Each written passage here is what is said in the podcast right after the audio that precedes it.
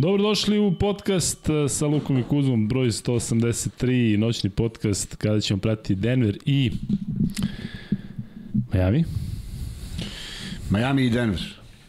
Miami i Denver. E, veseli smo, raspoloženi, malo smo odspavali, nadam se da ste i vi. Ne znam koliko vam je zeznuto da ostanete budni, pa da onda spojite i da radite, ne baš da radite, ali da gledate do peti nešto. Mi smo malo spali, Kuzma, ti si spao više, kako si tu uspeo? Pa uspeo sam, završila se utakmica, došao kući malo, ovaj, nešto pojeo i odmah otišao da se kako tako odmorim, zato što nas čeka još jedan, e, nije sad samo veče ovo, nego nas čeka i vrlo uzbudljiv dan.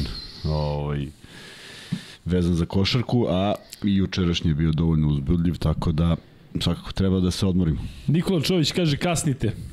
Kasnimo, da, imali smo malih tehničkih problema. Ali ovaj Kuzma je zaboravio naoče, vidite da nema naoče, to je glavni to nije, tehnički problem problemi, da. svih vremena, tako da uh, vidim nekoliko stvari ovde na početku. Prvo da je tu i Anđela Spasović. Anđela javi se, nije te bilo neko vreme, uh, a vidimo da je tu standardna ekipa Luča, Tople, Armando, e, mnogo naših dragih ljudi, tu i old school koji jednom s nama ovde prvo celu noć gledajući Denver pored nas, tako da verujem da će i sada. E, Prvi put sam se uključio chat i zadnji put. Idem full screen i ćao chat. Neko je ljut, ne znam zašto. Neko me se neće da, šta da. se priča. Da. Ovaj, e, moram Luka da se našlim, znam da te nervali Denver gubi čim ti prenosiš. Ivan Điporović se malo ovaj, šali, ali e, stvarno danas smo imali lep dan, već smo se nagledali košake uživo i Kuzma to je bilo u pioniru, tako?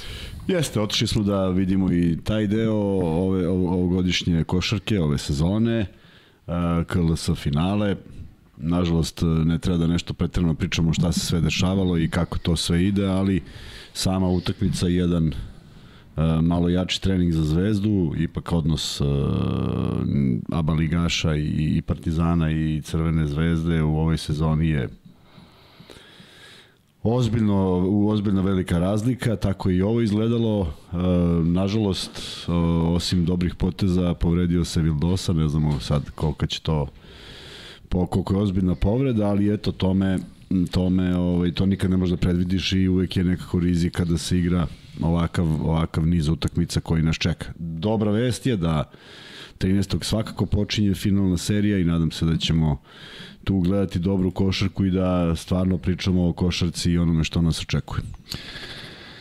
Nećemo mnogo da talasamo o svemu ovom što se dešavalo. Prethodni podcast smo završili tako što sam ja pitao Kuzmu da li će sve to da se izgledi, da li će biti u redu. On je rekao hoće i zaista već u narednom danu, tačno istog tog dana, ovaj, se sve sredilo i mislim da zaista nije bilo potrebno sa svih strana. Ovde apsolutno ponovo želim sve da stavimo onako u isti, u isti koš. Uh, Zato što je, eto, čak i danas na utakmici sa nekim ljudima što smo pričali, svi su rekli da im je preko glave svega da, da toga da, da, oko naravno. terena i mislim da onako im se ogadila košarka potpuno nepotrebno zato što je cela sezona i za nas koji pratimo bili iscrpljujuće u smislu nije lako pratiti sve mečeve ljudi vole košarku, pa nas toliko je bilo mečeva Euroligije, toliko svega i svačega i onda kada treba ti dođe završnica i kruna sezone, da uživaš u derbima, ovaj, onako ti to pokušavaju da ti ispred nosa možda i slone, kogod je kriv. Tako da, e, hoću da kažem jednu stvar da e, je mene samo iznenadilo ono saopštenje od Milija Vojinovića, e,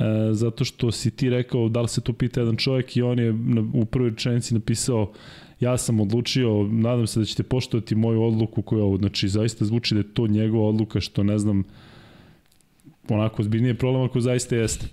S obzirom na to da, da znaš, ako jedan čovjek odlučuje, ne znaš kako ustane, ne znaš da li je po nekim pritiskom, znaš, nešto smo se nadali, da. tu postoje neki ljudi koji, koji, koji pričaju. Olakšavaju, olakšavaju donošenje tako odluka. Je, da, tako više. da ne kažemo da je to, da je on loš, nego jednostavno nije sistem dobar, ako bilo ko, pa kamoli, ovaj, ajde da ne, ne ulazim previše u analizu, ali bit će akcent večeras, ovo je posljednje što ćemo reći da je vezano za da nije vezano za NBA, osim toga samo da kažemo i da ćemo dakle još jednom danas, 10. juna, u subotu, mada i sutra i u nedlju biti uslode su na humanitarnom vikendu praktično. Tako, tako je. Izma. Tako imat ćemo jednu utakmicu revijalnu, uh, bit će tu gostiju iz sveta sporta, iz sveta i poznatih ličnosti, tu smo Luka i ja. Ovaj, danas smo se uverili koliko, koliko su se neke stvari promenile od našeg početka podcasta na ovoj utakmici. Toliki broj nekih e, dobrih, zdravih, nasmejanih ljudi je prišao da se slika ili da bilo šta kaže i onako stvarno e, sve to prija zato što definitivno potvrđuje da, da, da smo našli publiku koja zna o čemu pričamo, na, na koji način pričamo, čime se bavimo, kako se šalimo i sve to i da je to nekako dobro zaživelo, što nam naravno posebno prija, pa oto da i mi kao deo ove humanitarne akcije, inače smo se odazivali, znate i sami, uz vašu veliku pomoć svim tim humanitarnim akcijama, ovo je još jedna u nizu, vi znate za Mihajla, reklamirali smo i ovde, i na sve to, sutradan, to jest u, u nedelju ćemo raditi i A, komentarisat ćemo finalnu utakmicu, to će biti još jedan naš doprinos za taj dan, tako da kogod želi može da dođe u Slodes i da pogleda e, završnicu amaterske lige Srbije. Da, mi ćemo tamo biti u subotu i u nedelju i to prilično dugo, praktično drugi deo dana ćemo provesti da. tamo, tako da ako hoćete dođete da učestvujete, učestvujete u svemu tome i da ćaskate malo sa nama, otvorena su nam vrata, tako da to je otprilike to. Ja hoću samo da se nadovežem na ovo što je Kuzma rekao za kraj, da je zaista bilo milina pričati sa svima vama koji ste danas prišli više nego ikada ranije, da, a da, čin, da. dvorana je bila poluprazna ili polupuna, kako hoćete da kaže.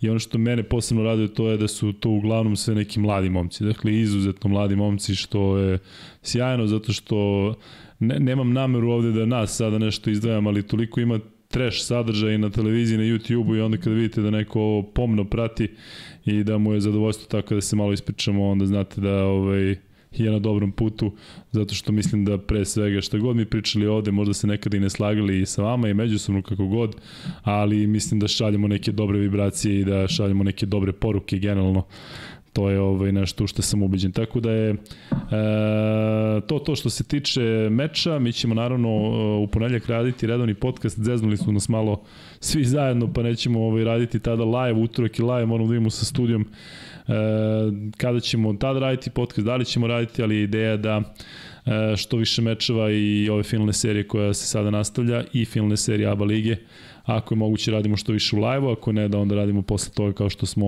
ove sezone već imali praksu posle Zvezdi i Partizana u Euroligi, ali ono što je sigurno to je da e, nam je dosta te priče koja nije košarkaška, pa ćemo čak možda shodno tome u ponedeljak imati nekog gosta sa kojim ćemo pričati o, o potpuno, potpuno drugim, da. drugim stvarima. Dakle, najava Partizana i Zvezde je super ali nema tu ni mnogo tajni, timovi se dobro poznaju, svi dobro poznaju, tako da bi nama čak bilo drago, a na neki način bi ti, i mi poslali neku poruku šta mislimo o svemu tome što se dešavalo, da jednostavno sa nekim gostom koji, koji je onako e, potpuno van toga, iz košarkaške priče, klot košarkaš, ali, ali ovaj, vidjet ćemo u svakom slučaju e, šta i kako. E, Luka, da li očekuješ bolje šutersko veče Portera juniora? Teško da može da bude gore. Luka dolazi li Mikse Zamora uh, i na proslavu Denverove titule? Uh, ne znam, Mikse na Maldivima kao što im da pišete ovde, tako da uh, nadamo se da će doći na proslavu titule u Denveru. Ja sam pričao u prethodnom podcastu da eto dugo um, se je onako češće bilo da se završava serija, odnosno da se titula osvaja na gostujućem terenu, tako da bih baš volao da Denver uh, dobio ovu i sledeću utakmicu i da eto sa 4-1 završi ovu seriju. Neće biti lako, Kuzma, možemo da pređemo na ovu utakmicu, šta očekuješ? E, drugu utakmicu smo radili u fullu zajedno, prvu o, polu, polu, polu, polu, polu, polu a treću nismo, u svakom slučaju Denver vodi 2-1 i e, trenutno možete e, verovatno da pratite i vi onako highlights iz prethodne utakmice što i mi imamo ispred nas i sve to je onako prilično dalo nadu Denverovim navijačima da bi ovo moglo brzo da se završi. Nekoliko utisaka. Nisam očekivao da će ovako rano u jednoj u, u ranoj fazi utakmice bez obzira što je to delovalo da se nešto dešava do kraja da će da će Miami biti toliko iza s obzirom da kad napraviš break trebalo bi da bude sve upereno na tu ovaj treću utakmicu gde ga potvrđuješ dok je s druge strane Denver uradio upravo ono što smo komentarisali u drugoj, nije povučen Jokić i ostao je mnogo duže na terenu, što je nekako bilo i logično i samim tim rezultat je bio drugačiji. Onda mi se ovaj, upala u oko jedna potpuno bizarna informacija, Kaže, kad god Okić daje preko 40, Denver gubi. To nema veze s tim što je Jokić dao 40, da. nego što je ostatak ekipe zakazao. Nije on preuzeo da 40. On je malo doda što... gas napadački. Pa da, mora da zato što vidi da ne ide, da. Ne zato što, jer da ide ne bi ni došao u poziciju da da 40, niti on to nešto juri ali ovaj, eto, to su neki utisci posle ove tri utakmice u kojoj se sad sve vratilo na početak i sad deluje kao da je ovaj, Denver u nekoj ozbiljnoj prednosti, a nije. Sad je rezultat 2-1, ono što bi smo, da smo gledali pobede kao domaćina, to bismo videli. Da vidimo da li postoji reakcija uh, Majamija, zaista neke stvari koje su se dešavale u trećoj utakmici, videlo se da, da ako tako nastave, a nisu ništa promenili do kraja, neće moći do boljeg rezultata i na kraju nisu ni uspeli. U svakom slučaju Denver u dobrom momentumu zato što su vratili onaj, ono, onu izgubljenu utakmicu koja jeste bila svojevrstan šok zbog toga što tri četvrtine ništa nije nagoveštavalo da tako nešto može da se desi. Ajde da vidimo da li Miami ima tu neku rezervu, da li Butler ima neku rezervu, da li svi ti igrači a, i dalje veruju u neko čudo, jer njihov triumf u ovoj sezoni bi bio zaista ravan istorijskom podvigu. Ne znam koliko je ekipa uspelo to da uradi do do, o, do danas. Sa misliš sa te osme pozicije, da, tako da, da, posebno sa tom dodatnom utakmicom, odnosno utakmicama u play-inu, znate da su da. izgubili prvo od Atlante i prosto je bilo nevjerojatno kako su onda dodali gas i u onoj prvoj zvaničnoj seriji pobedili Milwaukee koji je bio veliki favorit, zatim znate da su pobedili New York, a tamo u New Yorku je ono opšti pozitivni haos oko, oko Nixa i onda su protiv Bostona imali tu, ispostavilo se epohalnu seriju 3-0, 3-3, pa 4-3. 4-3 pobediš posle povratka takvog jednog. Jeste. Ja mislim da, da Miami ne bi trebalo otpisivati ni u jednom trenutku, čak i ako Denver pobedi večeras. Ako su oni uspeli Boston da dobiju tri puta za redom, dakle mogu da urade tao protiv nekih favorizovanih ekipa. Ako se sećate, oni su Boston dobili u toj seriji od tri pobede na početku serije dva puta u gostima. Dakle, očigledno da sa tom ekipom onako se dešava nešto i da su u stanju da pobede svakog. Znate kako izgledalo posljednja četvrtina druge utakmice, ali da je Denver favori, da Denver drži se u svojim rukama, ja bih rekao da je tako. E, tokom sezone sam govorio i sećate se da sam se u nekoliko navrata i ljutio kada Denver nema doprinos nekog trećeg igrača e, i zato sam e, stalno potencirao da pored Jokića, za kog sam siguran Ispostavilo se da je tokom cele sezone bio na visokom nivou, da je potrebno da Mari igra u fantastičnoj formi. Mene iznenadilo zato što jednostavno on je samo imao jednu kiks utakmicu u ove sezone u play-offu, možda dve, ali evo ta jedna je bila u ovoj seriji ali da mora da bude i neko treći ko će dati doprinos i eto, u prethodnom meču je to bio Christian Brown sa klupe. Dakle, neko ko mora da iskoči, u smislu da odigra van očekivanja, da, da, da odigra znatno iznad e, svog prosega. Proseka Michael Porter Jr. nekoga još čekamo.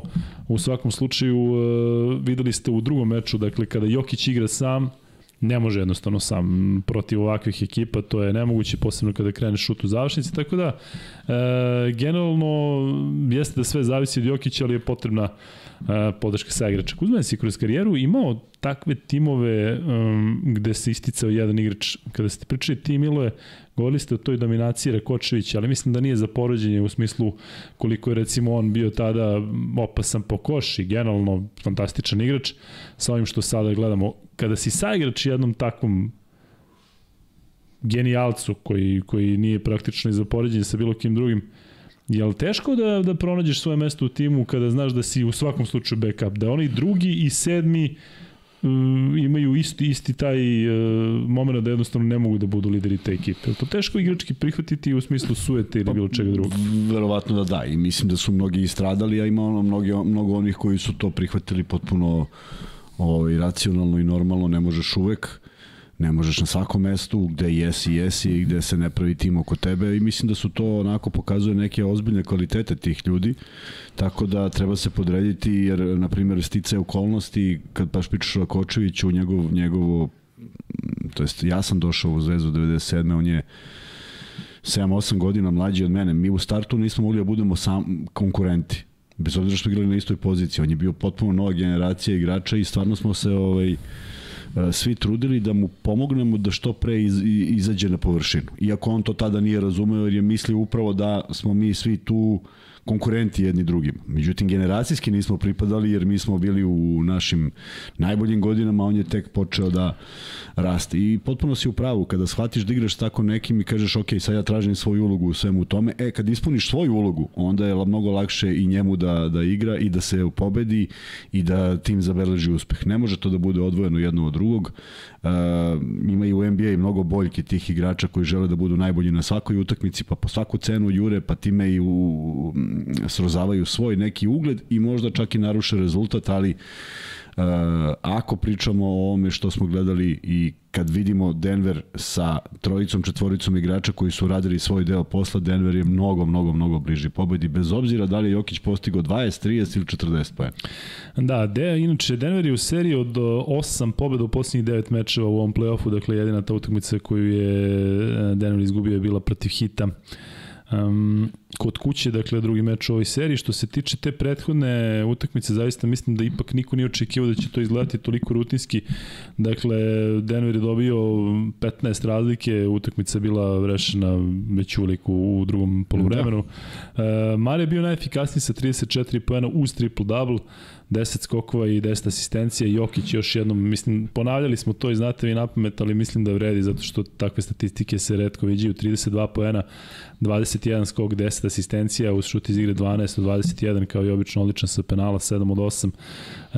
Um, jednostavno, taj dečko igra neverovatno. Ako se sećate posle drugog meča, trener Paul Lestre, kako bi rekao Kuzma, je rekao na konferenciji za novinare kada dobio neko pitanje, pa vi ste ga kao natrali da šutira, on je rekao ne, tog momka nije sad kao mi možemo da ga natramo da šutira ili da, da dode, jednostavno on je toliko dobar da vi adaptirate igru prema njemu, odnosno kako on igra, a ne da ga vi sad kao terate na nešto, pa je to deo taktike. E, u svakom slučaju, Kuzma, ono što mi često ovde radimo kroz podcaste, to je da poredimo neke različite košarkaške epohe i košarkaška vremena. Ti si pričao o NBA-u kada si ga ti pratio da je možda bio zanimljiviji da se iglo potpuno drugačije odnosu na danas. Da li misliš da Jokić, za kog smo videli da je u stanju da jednostavno kontroliše igru protiv bilo koga u bilo kojoj situaciji. Da li misliš da bi se snašao u nekim drugim vremenima kada se ipak igralo sa više kontakata, kada se igralo sporije, E, on je onako, svi kažu spor, međutim znamo koliko je u stanju da, da, da i prenese loptu i da napadne koš u svakom trenutku. Kako misliš da bi se snašao u onoj eri zaista dominantnih centara poput Šeka, Ewinga, Olajđuvona i sličnih? Da, sad to je možda neka naša onako pogled na, na našu mladost da je sve bilo lepše ali zaista kad vratiš plejadu tih uh, centara gde su Duncan i Robinson bili u San Antoniju, gde je Ewing dominirao u, u Nixima, gde je Oli Jolon čovjek koji je postavio neke, neke ozbiljne ozbiljna pravila u igri i svi su gledali taj njegov, njegov rad nogama. Pričali su o tome i centri, pričaju o tome i Kobe Bryant, da je voleo da gleda kakav mu je rad nogu. Uh, ne, mislim da bi uspeo. Mislim da još uvijek ne znamo koji su mu limiti. Mislim da bi mogao da igra u bilo koje vreme. Ovaj, da li je to brzo, da li je to sporo, očigledno je sa mnogo fizičkog kontakta koji on jako dobro podnosi, iako ne izgleda tako, da se razumemo ni divac ne izgleda ništa bolje kad je pao kad je pao u NBA. Nije on bio neka ozbiljna E, snaga, masa i pokazivao tu neku, taj neki e, kvalitet, tako ni Jokić. Međutim, mislim da bi, zahvaljujući ovom nivou košarkaške inteligencije mogu da igra u bilo koje epohi. Ako bi trebalo da uspori, on bi usporio, ako bi trebalo da ubrza, on bi ubrzao i deluje mi zaista da se u pojedinim momentima uh, igra košarke, iako postoji onaj jedan koji ga stalno nešto ovaj, uh, spominje po, po Twitterima, pa mu je George Carr odgovorio, ne znam da li se ispratio to, kako je samo baca na koš pa to slučajno ulazi, otprilike tako nešto. A onda je George Carr odgovorio da je on sramota za profesiju. To ljudi koji prate NBA bolje će znati ovaj, o kome se radi, neko ko je dežurni onaj kritičar Mora uvijek da ima tako neki uvijek mora da koji, da ima neko, koji... da. Jer živimo u takvom vremenu, mora neko sad bude taj neko ko će prikupi glasove. I, to je njegov, njegov uloga, dakle. Njegov da, uloga, da, baš tako. Ne zašto ima smisla, nego samo da, da bude kontra nečemu. Ali, kažem, uh, uvek je nezamislivo videti ga u nekakvom drugom okruženju, ali mislim da bi sa lakoćom igrao, ne s lakoćom, evo sad ako, priča, ako me pitaš konkretno za, za Šeka, sumnjam da bi mogao s lakoćom da igra. Protiv Šeka niko nije igrao s lakoćom, mada je to potpuno drugačiji čovek koji svoju snagu nije koristio bio je Oli Juan. Koliko je on, eto nek neko pogleda koliko je brzinom nogu izbacivao od centara iz, iz, iz ležišta i viših i snažnijih i dominirao ih, Houston je osvojio dve godine za redom dok je on igrao svoju titulu, to nije lako dostići, tako da sigurno da je konkurencija bila za nijansu jača ili kažem mi to samo tako doživljamo, ali Jokića vidimo u svim epohama. Ajde malo da se bavimo četom i da pričamo i sa vama. Nenad Janković, KG, odnosno Kragujevac, kaže gledam sve evroligaške utakmice i svaki meč play-off NBA i onda mi se smuči košaka zbog ABA, Crvene zvezde i Partizana. E, svi razmišljamo isto tako, ali e, jednostavno ja se i dalje nadam da će ta serija da bude najkvalitetnija ikada i vidjet ćemo od utorka. Luka, jel možeš odgovoriti da li ga ima Miksa u studiju, ovo je neki makedonac, da li ga ima? E, nema ga, ali će da dođe u nekom trenutku i ovde javljaju da je Miksa Buraza na odmor. E, kažu takođe da je možda bolje sad gledati najveći spektakl NBA finala i uživati. Košak u Srbiji izaziva gađanje trenutno. Vidim da ima dosta vas koji koji ste jednostavno, kao i mi, verovatno malo i osetili umor posle svega, ali ne zato što što je previše utakmica, već zato što što često pričamo o stvarima koje nemaju veze sa samom igrom. Ali mi samo se nadovežem na to. Zato smo danas i otišli na utakmicu i sada mi možemo da posmatramo ovo finale, da ga zovemo kako god hoćemo, šta god mi mislili, ali uh, videti, videti one momke iz železnika koji su dočekali taj moment da u ovoj sezoni se bore za nešto, ja mislim da je to za svako poštovanje. Možemo Jeste, da, apsolutno. Uh, ajde da posmatramo samo iz njihove vizure. U Železniku se od uvek treniralo mnogo. Dakle, način rada i ja mislim da su ovi svi igrači i jači i bolji i kvalitetniji igrači nego što su bili na početku sezone, što je u, u, taj neki rezultat koji su pokazali, pokazali postigli i pokazao. Srki, vidimo se. I, o, Hvala Srki. Ćao, majstor. Živio, brate moj. Tu smo, brate moj. Tu smo. Živio, Ćao, majstor. I, ovaj, i, i, i znaš, početak utakmice gde oni zaista daju sve od sebe da vide na kom su nivou, da, da, da ulaze bez nekog straha, to je za poštovanje. Da li se to nekom dopada ili ne dopada, to je druga stvar, ali kažem, učiniti toliko i onda, ajde samo da krenemo od toga, da li je neko ko kritikuje na bilo koji način, sa punim pravom, čak zbog, zbog nekih stvari koje se dešavaju, da li je učinio nekad u životu toliko napora koliko su oni učinili, na primjer, samo u ovoj sezoni. E, samo to treba poštovati zato što nisu slučajno tu i mnogo truda je uloženo da budu tu i e, Stefanović je vodio utakmicu sa željom da pokaže što bolji rezultat. I igrači su se menjali i ulazili i igrali sa velikom željom. Vidi se razlika u kvalitetu to je bilo nekako i evidentno pred utakmicu. Izgubili su, probali su i evo koliko u, verovatno u ponedeljak, to jest u nedelju će biti završeno iz prostog razloga što su male šanse poverovati da bi železnik mogao Absolutno, da pobedi da. zvezdu. Delo je neizvodljivo. Pa da. E, ajde pišite, kaj evo ga Luča kapitan, kaže ajde pišite koliko Jokić daje večeras. E, Kuzma, šta ti očekuješ? Koliko bi mogao da večeras? Daj ljudima neku, da im ko će biti bliži. Ja kažem 44. Ti? Ja onda će da izgubi. da, da. 44, ali eto, da prekinuće se serija ovaj, tih poraza kada on daje toliko da. poena. Ajde vidjet ćemo. Ja bih volao da on odigra svoju igru do, do nekih ovih 30 poena, da, da tu bude i asistencija i da bude dobrih saigrača i da Denver dođe do još jedne pobede kažem, volao bi da vidim naravno i Miami u boljem izdanju, jer ipak ne, ne, neko sam ko voli neizvesne utakmice, ali da ne bude da da, da mi ne, nije drago da pobedi Denver i da to naravno ne treba da objašnjavam preterano. Međutim, Miami je zaista pokazao da je u seriji od četiri pobede nad Bostonom jedno ostvario samo kod kuće. tako, da, da. tako da je sve moguće, ali ipak složit ćeš se verovatno nije ovo isto izdanje pre svega Butlera u ovoj, u ovoj seriji kako je bilo u onih sedam utakmica protiv Bostona. Jeste. E, Marko Filipović je ovdje imao jedan jako lep komentar, kaže ajde mo bar da se ujedinimo kad Jokić igra. Da, ovde je potpuno drugačije atmosfera kada znamo svi da imamo onako neki zajednički cilj i da zajedno navijamo za nekoga ili neku ekipu ili neku čoveku, u ovom slučaju naravno to je ceo Denver, ali znamo zašto smo svi ovde da Jokić ne igra, Kuzma naravno da ne bismo radili finala, tako da igraju, da igraju u Miami i Golden State, pitanje. E,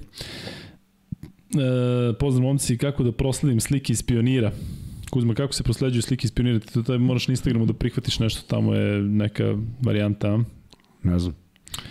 Ko, od koga? Uh, od Ognjena Kuzića koji nas išto slikao pa da, E, da ti Ognjen, je, Ognjen je pisao nešto iza, iza da je negde da ne može da se uopšte da postane subscriber, ali nismo uspeli da otkrijemo to. Ko jer, zna šta nam rade jer u to glavi. je jedino miksa u stanju da uradi, a prosto nismo uspeli da pisao mi je na mail i zaista sam uradio sve što mislim da mogu. Da postane subscriber na YouTube-u? Da, Ozbiljno. da, nešto i ne može da učestvuje u četu ili tako nešto. Evo sve je nešto tu. Pa sve, da. da, onda je dobro. Kad ćemo saznati pobednike za vikend na Zlatiboru, Aleksa, je to je pobedio? standardno ponedjeljkom. Ko je pobedio? Virtus ili? Uh, vodio je Virtus na polovremenu 8, ne znam kako je na kraju ispalo da sam tada već ovaj, počeo i ja svoju dremku, ali pogledat ćemo sada, dobio je Armani, 92-82, tako da ćemo imati onda 20-ak beše pobednika. Sad ćemo vidimo šta kažu, da. Um, ima, ima ovde i navijača Majamija, kažu ajmo Jimmy. Uh, Kaže ovako, 742 učesnika je učestvovalo u nagradnoj igri. 21 potencijalni dobitnik. dobro, Ali ako Virtus dobije, onda je 4. eto ti. A ovako, Znači 17, pa je li 21, ali tako? 17. 17, eto. Noća Snoper, večeras opet piše istoriju, ima dobro i neki rekord iz Naftalina, ovo je svi koji su sa nama znaju kako ovaj, u posljednje vreme rešavamo Max Bet 3 bet i bit će sada Max Bet 3 beta i danas, dakle imat ćemo tri redovna e, u ovoj noćnoj varijanti. Luka može, mi- može mišljenje o seriji FS Fener. Mislim da je upropaštena na suđenjima u onoj trećoj utakmici, tako da videli smo svi zajedno da je FS dobio četiri meč i dvoje 3-1 u sjajnu partiju Vase Micića, ali e, kažem... Kako vodi, zar nije gotovo? Pa gotovo, Pa da, gotovo, na 3, šampion. da. Ne, ne, na 3 su. Da, da. U finalu sam da je 3-1. 3-1, da, pa završao Da, da, sam na da. 3. Odlično. Ranije su igli oni 4. Vratno Na tri, njima na tri, preko da. glava. Um, Kuzma, kad ćemo na kabare show Lafayette? Biće prilike. Biće, da. Divna stvar, ako niste bili, za svaku preporuku. Samo da naglasim još jednom da sam rekao 44 pojena da je Jokić. Ne, posle da bude. Ja... Luka, može mišljenje o ovoj repki Am, Amara Jaren Jacksona, Ingram Branson, trebalo bi da može da se igra sa njima. Vidjet ćemo, Mateja, iskreno, trenutno sam potpuno fokusiran na ovo što nas, što nas sada čeka, ali dobro pitanje. Um, Inače, neko je takođe pitao ovde ko je, šta je sa onim igračem koji je kidao u FNP-u na polusezoni. E, Ivan Điporović je to pitao, ne mogu da nađem, e, ili neko pitao, ali dođi u nadu e, u 17. pa, ću da ti, pa ćemo da se ispričamo onako uživo. E, imali smo imamo neke informacije kako ovaj, šta se sve dešava tako da će biti biti zanimljivo to ne smemo ne smemo ovako Luka noći skulira chat više sluša Kuzmonija e, slušam ja uvek Kuzmonija i gledam chat ali nekada ne može baš da se Ko je izađe u Kuzmon? susrecima Kuzmoni je Srki, Srkijev nadimak je Kuzmoni. Što ga zovu tako? E, šta mislite da li će Jokić da igra za repku? Nadamo se svi. E, Da, nadamo se apsolutno da hoće. Kuzma, nemamo svi love da dođemo u Lafayette. Nemam, nemam ni ja, slučajno sam otišao pozvali. Mi kad budemo organizovali, onda će biti sve ovaj, dobro. Mi zakupimo sve stolove kad organizujemo. Jel Sad može neki komentar što je Đoković prošao u finale Roland Garros? E, evo, ja ću samo da kažem da moramo da svi uživamo u ovom trenutku kada Đoković i Jokić u isto vreme radi ovo, zato što se to verovatno nikada više neće desiti da imamo tu privilegiju da gledamo Đokovića preko dana kako eto dolazi do finala i nadamo se da će u nelju osvojiti to. I sada Jokić u finalu NBA lige um, evo ga vodi 2-1 i nadam se da će biti sad 3-1 dakle ovo je jedan istorijski moment za srpski sport, dakle imamo jednog mm, tenisera, individualni sport, ovdje imamo nama najdrži sport košarku, kolektivni sport i kažem ovo što rade ova dva džokera, kako jedan i drugi imaju nadimak, je zaista za svako poštovanje. I kažem, verovatno Kuzma nismo ni svesni kada živimo u njihovoj eri šta obojica rade za Srbiju i generalno koliko su veliki, pa kad prođe vreme posle njihovih karijera ćemo možda i, i da budemo svesni A, šta radi. Apsolutno, ali tek kad prođe, zato što Tako smo postali svesni šta je Jordan značio za sve nas kad je prestao da igra. Ne dok je igrao, Da. dok je igrao svake godine si očekivao isto da gledaš jednom ga nema i onda kako pro, prolazi vreme shvatiš koliko je to bilo uživanje, a ovaj tenis koji, koji nam priređuje Đoković zaista jeste uživanje i svaka mu čast na još jednom triumfu, još jedan korak Počne od meč, nekih izvini. Do- Zato što smo rekli da, Da, da. sinkronizujemo, dakle upravo je bilo podbacivanje i kreće prvi napad Miami da završi Kuzma pa da Pa pređemo. u ništa, samo da, da uživamo u tome što nam je priredio manje više svaki, svaki turnir na koji je otišao je doneo sa sobom. Lazar Milantivić donira i kaže kafa za noćnu smenu, svaka čast. Hvala tebi Lazare. Počela je dakle utakmica promašem za 3 poena Gabe Vincenta, naravno ko drugi dolazi do lopte na skoku nego Jokić, već smo na drugoj strani, napad Denvera, Marej je bez Jokića ovde igra, tako da nisam siguran kako će se završi, pokušao ovde do kraja, izbacio loptu za Portera juniora koji naravno gleda samo koši I nalazi ga. Ne nalazi nema, ga. nema koša za Portera juniora. Sve je bilo čudno u odbrani Majamija, svi su bili na pogrešnim ljudima. Ali mislim da ako nešto znamo to je da Porter Junior kada primi loptu ne želi nikome da je da. Dakle, da li treći sekund ili 23. sekund napada, ja mislim da dečko isto gleda. Umeđu vremenu prvi koš na meču koji je postigao Debajo, Jokić na drugoj strani, sada će oni Mari verovatno ovde pokušaju nešto da iskreiraju. E, čudno je ovde Jokić neko otišao u pik, sada dobio loptu na jedno 7 metara od koša, leđima napada Debaja, vraća loptu Mariju, Mari šutira iz kontakta, nema faula, nema ni koša, 2-0 za Miami. Kuzma, jel imamo uh, možda neku predikciju u kom uh, pravcu bi mogao da ide meč što se tiče uh, brzine, zato što uglavnom ove utakmice koje toliko su bitne kad se već serija zakukta Uglavnom su na mali broj poena uglavnom se igra sporije, dakle nema baš onog diljanja kao što pa znam, ali opet smo gledali, gledali smo preko 100 poena, sad nije to 120, ali jeste preko 100. Da. Jokić stiže do prvih poena, ujedno i prvi koš za Denver, karakteristično ovako kada se okrene oko leve noge Kuzma. Kada imamo ovako visoko igrača i znaš da će ovo da uradi, svejedno je teško braniti. Teško, teško. Da. I možda uradi šta god hoćeš. Ima onih momenta kada trener konstatuje da je odbrana bila izuzetna, da ne može bolje od toga, pa lopta završi u košu. U ostalom, ono što je Jokić postigao protiv Davisa i protiv Lakers, to šta, šta je Iko mogao da uradi da. po tom pitanju? Prosto to je sam kvalitet čoveka koji pronalazi najbolje moguće rešenja, ti si učinio sve da ga zaustaviš. Daj bre tu loptu bre više šta radiš bre čoveče bre. Ovo je normalan bre. Ovo je počelo, ra, počelo rano bre. Ne, ali evo sad ono počneš da pitaš i Jokića što mu daje loptu. Daje mu loptu u kontru i onda ovaj nešto 2-2. Izvinite, molim vas, zbog malo emocija. Nije, nije ovaj ni zvaničan komentatorski prenos, pa možemo malo da ovaj da bude i, i ostrašćeno. E, Porto Junior sada ne gradi u odbrani, Boris se Strus, ali nije uspio da se izbori za loptu. Kuzma, e, samo ću te kratko pitati, igrao si sa mnogim velikim igračima, velikim u smislu visokim, e, pa i višim od Jokića. E, koliko je njima teško da ovako e, pivotiraju oko jedne noge? Znamo da često prave korake, ali kad Jokić to radi, to deluje sve toliko mekano, dakle, tačno ovaj, te njegove silne finte, kada, kada stajnu nogu ne pomera, ne pomera od terena, ali e, baš, baš delo lagano, baš mekano. Vrlo je stabilan i vrlo zna šta radi i ako si primetio koliko puta on daje te neke poene uh, iz onog dva sitna koraka, Jest. što redko ko može da uradi. Tako da ovo je ilegal odmora, šta je ovo bilo? Jeste, da. Možda nekome tehnički, ali nismo ispratili. U svom slučaju Mari ima da. slobodno bacanje koje je pogodio.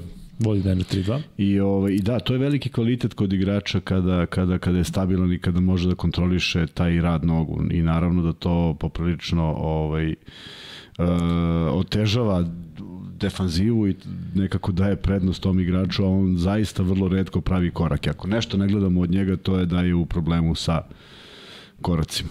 Uh, Jokić baca loptu za KCP-a koji iz kornera pogođa za 3, vodi Denver 6-2, ovo je prva trojka na meču. Vidim da ste ovde pisali da ima na YouTube-u prenos, ali ne možemo mi to da stavimo, nemamo prava, tako da imajte razumevanja da jednostavno ovo je jedini način na koji e, možemo da radimo, dakle čak i ako oni imaju prenos, to ne znači da javno može neko da ga stavlja na svom YouTube kanalu zato što postoje neka neka neka glupa pravila. Pa mislim da ne napravimo neku neku štetu pošto se ovo radimo u najboljoj nameri da se vam pratimo, razumem da vam bi bilo da bi vam bilo lakše da da sinhronizujete sve, ali zato ćemo češće da da govorimo o tome odnosno da govorimo koji je rezultat i, i šta se dešava, pa da možete da usledite sam prenos sa našim komentarisanjem.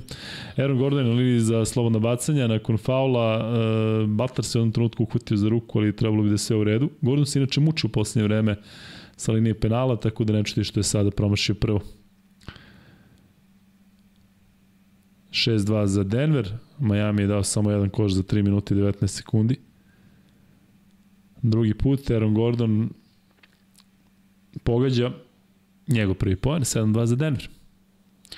Ja sam ubeđen da će biti meč na mali broj poena. Neobično rešenje u napadu Majamija. Sve nešto ide ispod koša, sve su to nekada davanja na čelnoj liniji. Malo čas je Butler čak i uspio da probije Jokića, ali bez ikakvog rezultata i evo sad nešto što će možda biti ponovno oružje kao i u onoj treći, kao i u onoj drugoj utakmici kada su napravili break, to je šut za 3 poena i deluje mi da je to možda jedina stvar koja može da dovede Miami do pobede u ovoj utakmici. Kevin Love pogodio trojku. Mare na drugoj strani, Jokić na trojici, fintira pas i onda kreće ka košu, nije uspeo da pogodi sa prvog koraka. Lav tamo nekako uspeva da dođe do lopte i da započne napad Miami, a Butler, Butler definitivno nije u onom ritmu u kojem je bio ranije tokom play-offa, da li umor ili te neke stvari koje mnogi pominju van terena, ali nije isključeno da bi mogao da se, da se probudi tokom ove serije. Sada je jedan interesantan pas bio za da Jobea, kako ga zove Kuzma, što vidim postalo i među vama vrlo... Kad stalno menjaju taj men. Atraktivno 7-7 Adebayo pogađa, Mari napada u desnu stranu, onda pas za Jokić, jedan Jokićevski šut, međutim lopta izlazi iz koša. Miami u jednoj seriji 5-0 koji bi mogao da nastavi uh, i da vrati voćstvo ako realizuje ovaj napad, Butler za Adebayo, Adebayo ima ovde dosta prosto da igra protiv Jokića, međutim ipak izbacuje za Lava, zatim Strus, Strus koji se našutirao trojki, posebno ona prva dva meča, Adebayo, Adebayo šutira i promašuje ovoga puta.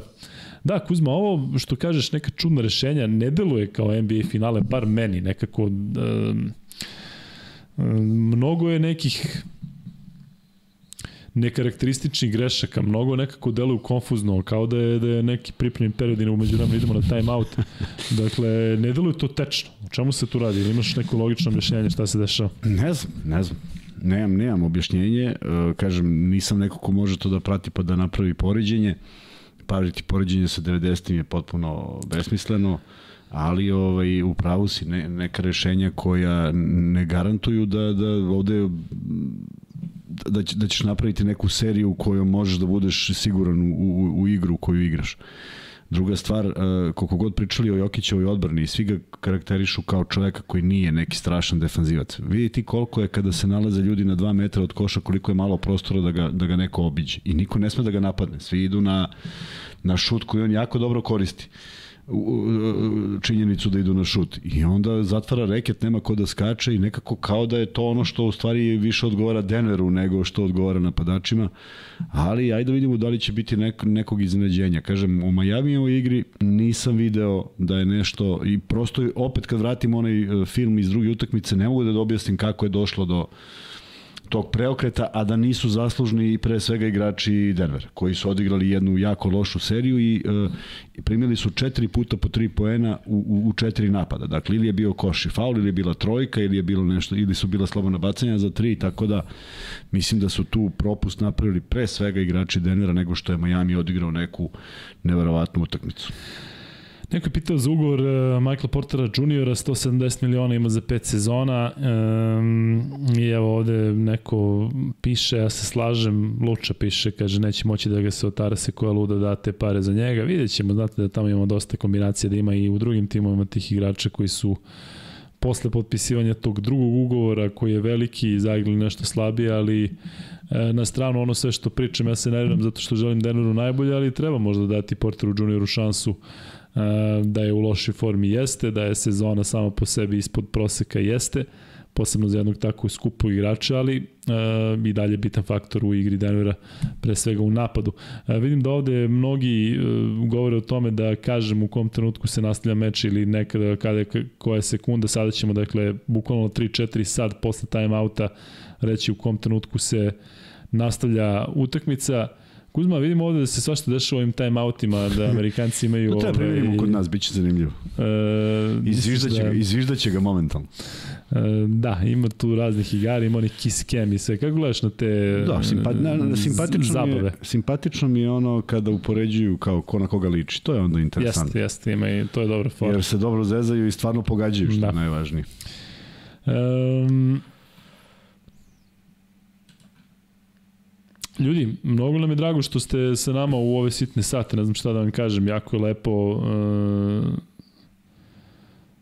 da sa vama pratimo meč, sa vama ako ih ima u stotinama.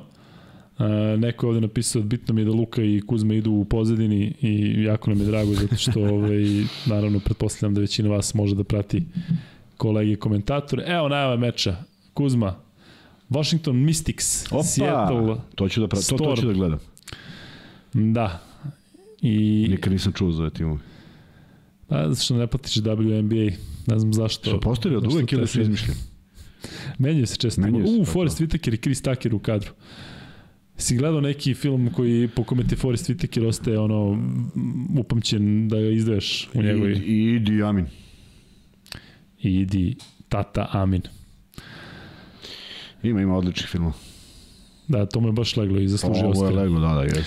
E, Nastavlja se utakmica 3 4 sad. Ubačena lopta Marej e, ovde flaster igra na njemu Gabe Vincent. E, a izvini, kad si već kod ovoga, Taker po onom najbesmislenijem dijalogu sa Kinezom, ako se sećaš, koji Sećam se se. zove Ju, ko je ono napisao?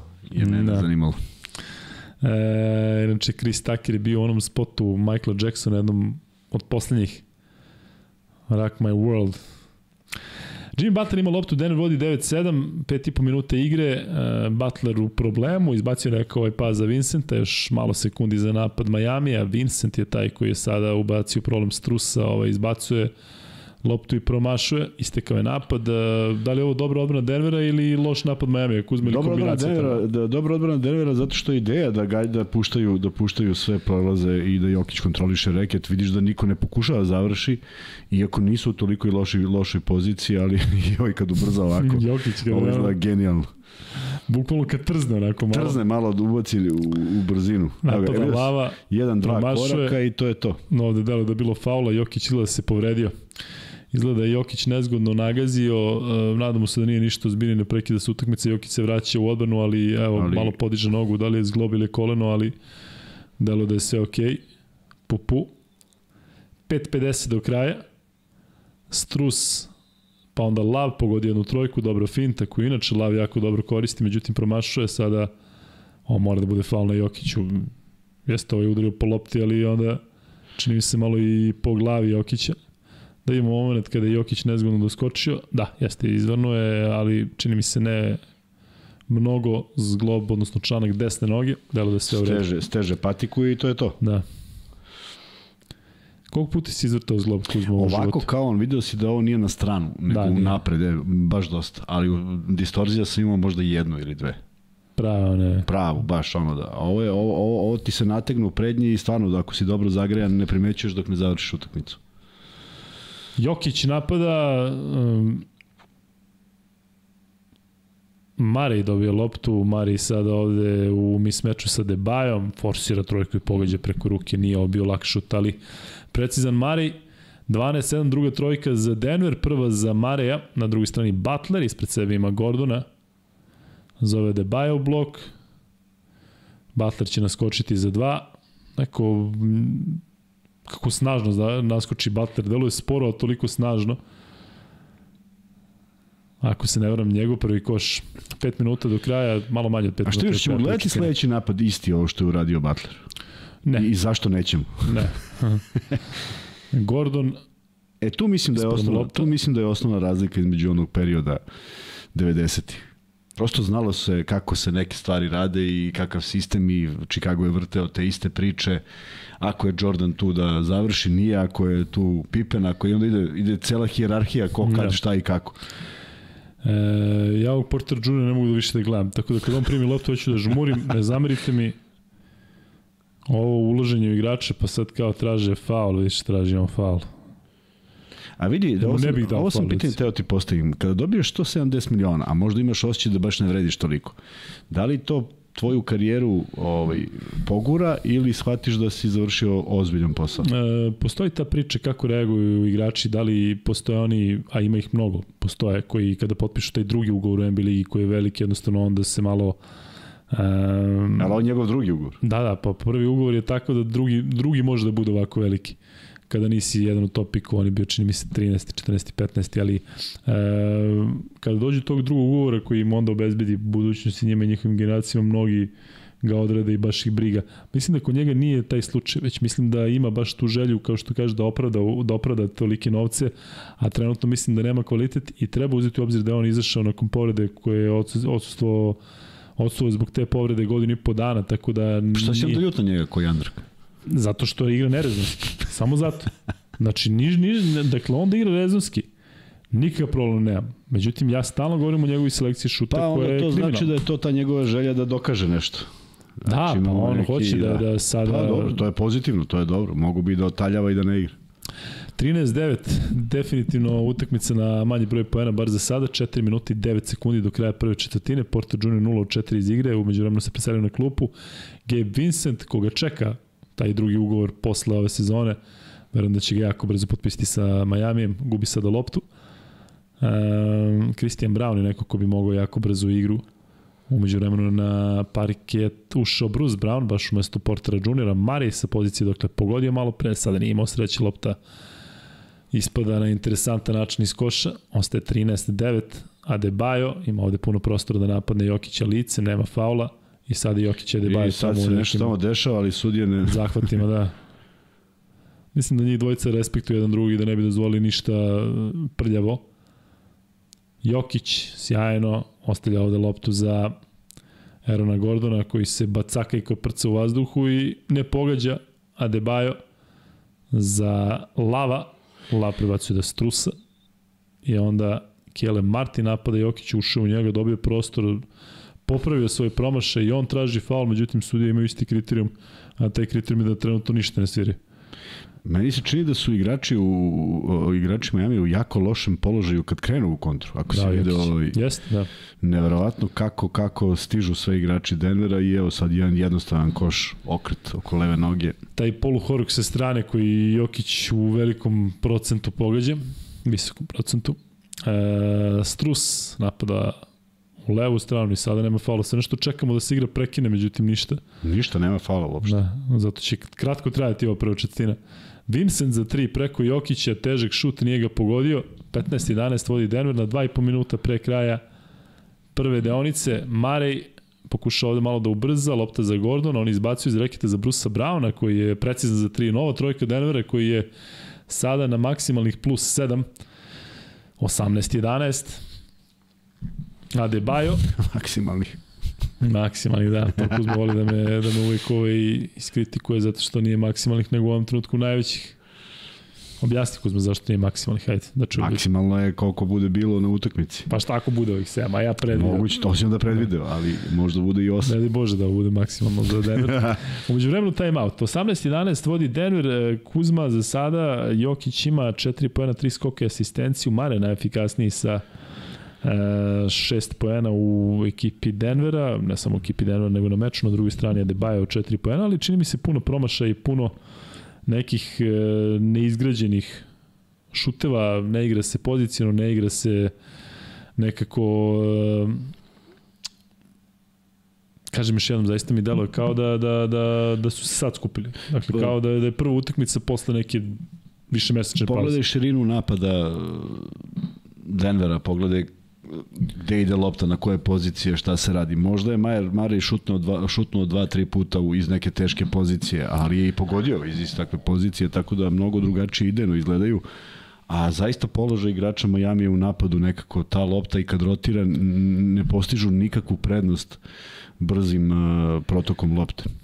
Um, od Butlera mnogo toga zavisi, rekoh da nećemo vidjeti onaj, onaj pik igru, i nekako kao da se baziraju na tome da malo vide ko će, ko će da proradi, ne bili na tome bazirali igru u nastavku utakmice, ali možda i uz ove procente šuta i očekivano mali broj poena.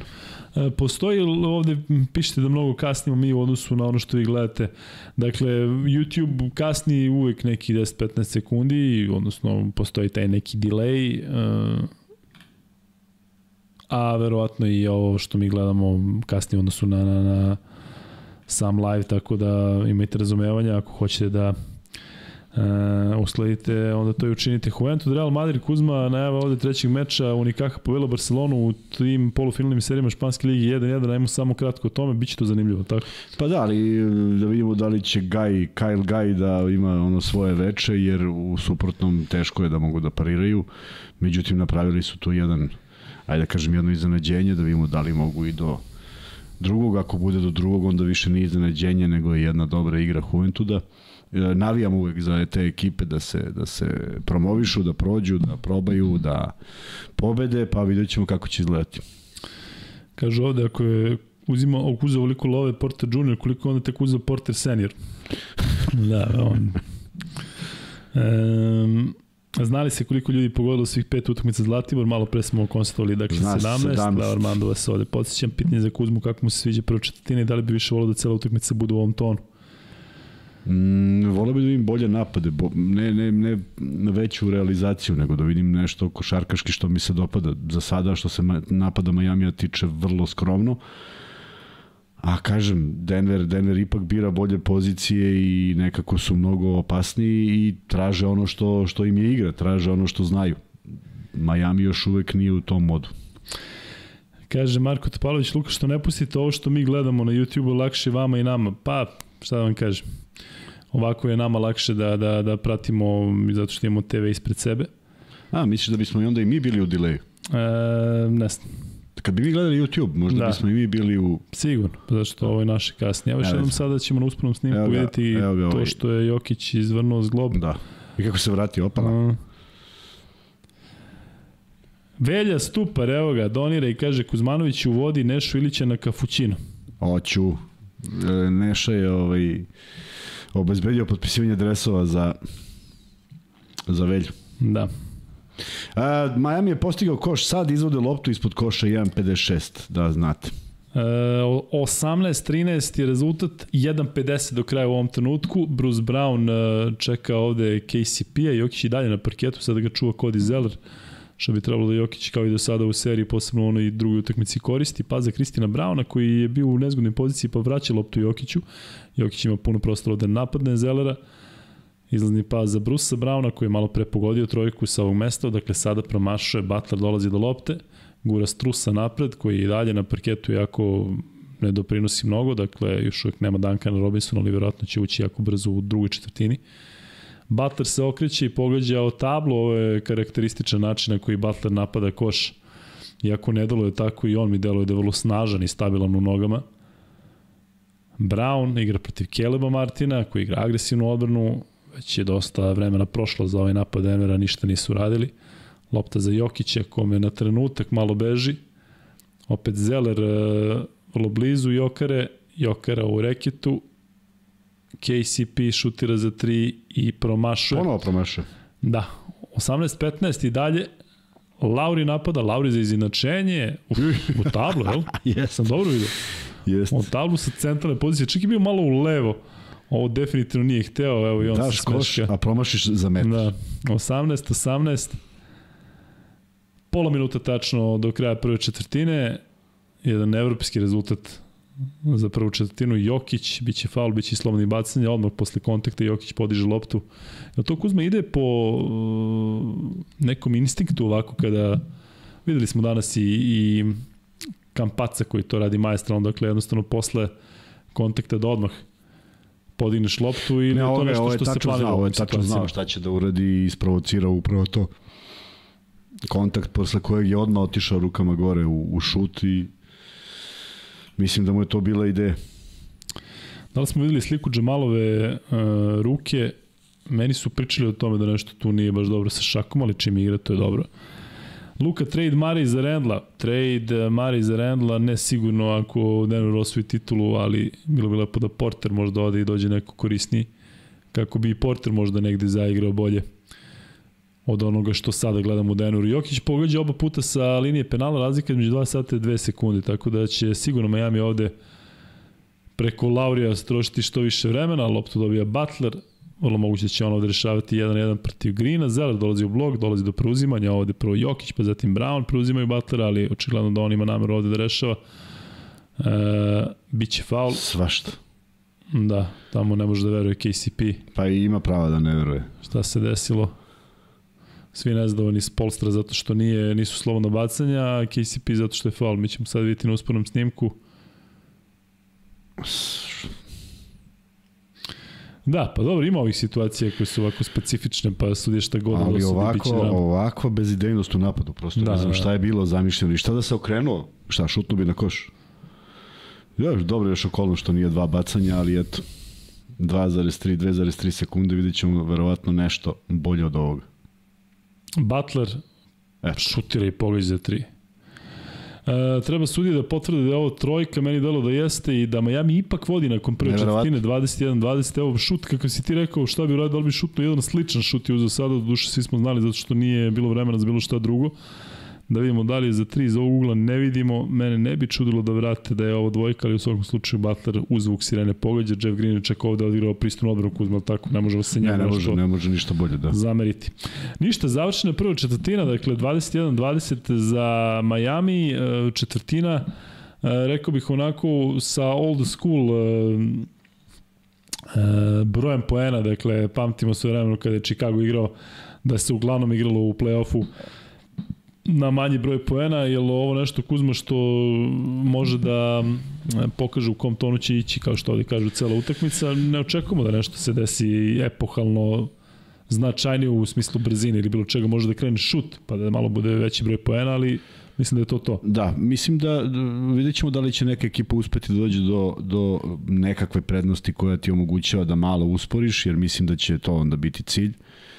Uh, ali opet nepredvidiva NBA liga, nešto što su rezoni u Evropi ne znači da moraju da budu i tamo, tamo se neke razlike stižu brzinom svetlosti. Uh, I e, ono što je vrlo bitno gledamo i dalje uzbudljivu utakmicu i nadam se da će biti ovako ovako dobra u smislu rezultata.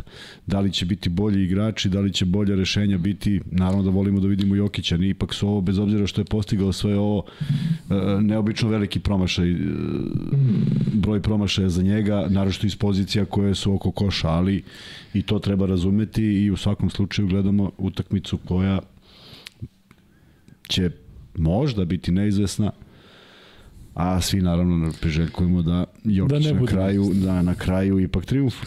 E, jel Kuzma gori u sebi kad vidi da ovi ne igraju odbranu kako je on igrao? Goriš Kuzma, priznaj mm, trenutno. Ne, ne, ne, znaš, znaš koji mi detalj, na primjer, nije jasan. I svi da rotaciju kada jedan od igrača Miami treba da preuzme Jokića i ovaj ga obiđe. Znači ja sad razumijem da Jokić šutne. Ali Beka da obiđe. To mi stvarno nije jasno. On trči na kad njemu... nije jasno u smislu da to može da se desi fizički da obiđe bek ili što ovaj nije sekao faulom ne, ne, kada fizički ga... se desi da ga obiđe. Da. Pa ako nešto znamo da Jokić, on klikeraš i sve to, ali prosto sporiji. Da li je moguće nikad nisi gledao da je Jokić u velikoj većini situa u momenata ide na levi ulaz i traži sebi poziciju? Da li, znaš, e to su stvari koje mene izluđuju i koje želim da vidim da su bolje jer onda znam da taj neko ko košta toliko zaista i vredi toliko. Ovako je malo nešto pobrkano. E, kad kažeš klikeraš, jesi igrao klikera nekad Kuzma? Jes, kako nisam. Nema tuša pre rolje i to, a? Uf, svašta smo igrali. Mm. I nije bilo iz okiša u okiš. Mm, da. Butler e, očekivano mora jače, bit će možda produžetak. Old school kaže možda produžetak, zanimljiva i hrabra. Prognoza, Kuzma, da li ostaje Kampaco, šta misliš? Pozdrav za mog omiljenog grobara Luku. Mislim, mislim da ne, a nadam se da da. A ja obrnut. Ja se nadam, nadam da ne ostaje, evo, šalim se naravno, za, za srpsku košaku, za košaku generalno u regionu, bilo bilo lepo da ostane e, Kampaco. Jel zavisi možda od ishoda ove serije Kuzma, ne, ili uopšte ne? Mislim da više ništa ni od koga ne zavisi, sem od njega samog. Jel misliš da on već zna šta je, šta je sledeće da sezone? Da. Pa da ga pitamo, ti stalno sreći ljudi, da ga pitaš. Kada... Niko da letimo njega. Da. E, mašu peškirima u Majamiju. Još jednom nam pokazuju kako Jokić izvrnuo zglob. E, nagaziš i Strusa koji se tu podmetnuo onako prilično bez veze. Evo Jokić. Idu u stočionicu. Pa idu verovatno da mu, da mu pogledaju to, da. Jokić trenutno, dakle, nije ni na klupi, što nije dobro. Nije, možda mora da bandažira, mada sumnjam da nije bandažira. Da, eno ga vratio se. Bravo. Brže je, brže je došao iz slačionice nego što je otišao. Sve neka klopa iza neko posluženje, ono, kad je Jokić mm -hmm. išao onim hodnicima. Išao je malo da grici. Mogli mi ovde da stavimo onako. Lauri šutira ovde u rekitu, delo da nije mesto. Lauriju, ali on tako ubaci rame, malo se odbaci u stranu i evo uspeo da pogodi preko Marija. To ono što me nervira kod Marija, on je ovde mogao da odigra bolje odbranu. Dakle, ne sme Lauri sa 35 godina da mu daje ovakve koše. E, Marej igra protiv Robinsona koji među vremenu ušao na parket, Mare i mnogo driblinga, sada i udvojen, Mare i pokušao ono što je Lauri uradio malo pre na drugoj strani, ali nije pogodio lopte kod Zelera i ovo su oni momenti kada nema Jokića u igri, kada Denver deluje kao ovo tim koji je pao s Marsa. Uh, e, ovo je pravi šut, isti da, onaj. Lauri kao malo pre kada je pogodio tablu, Kao sad sada, idem, sad idem, samo idemo tablu, isto da. je. Da. E, Aaron Gordon sam na trojici. Precizan Aaron Gordon, ne znam da li mu je ovde ostavljeno prostora slučajno ili namerno, znamo da voli Miami da provocira njegov šut zato što je od svih igrača koji su bar na parketu e, najmanje opasan e, s polja, ali je donosom timu sad izjednačenje. Zeller, Robinson, Ih, kako su. preuzima ga Gordon, ne spušta se lopta na Zellera koji na sebi ima Mareja, toliko mu veruju sa igrači, dakle da... Kama dobro je, budi dole. Da, Sad idi tamo. Butler za tri. Promašao drugu Butler. Niske petorke jako.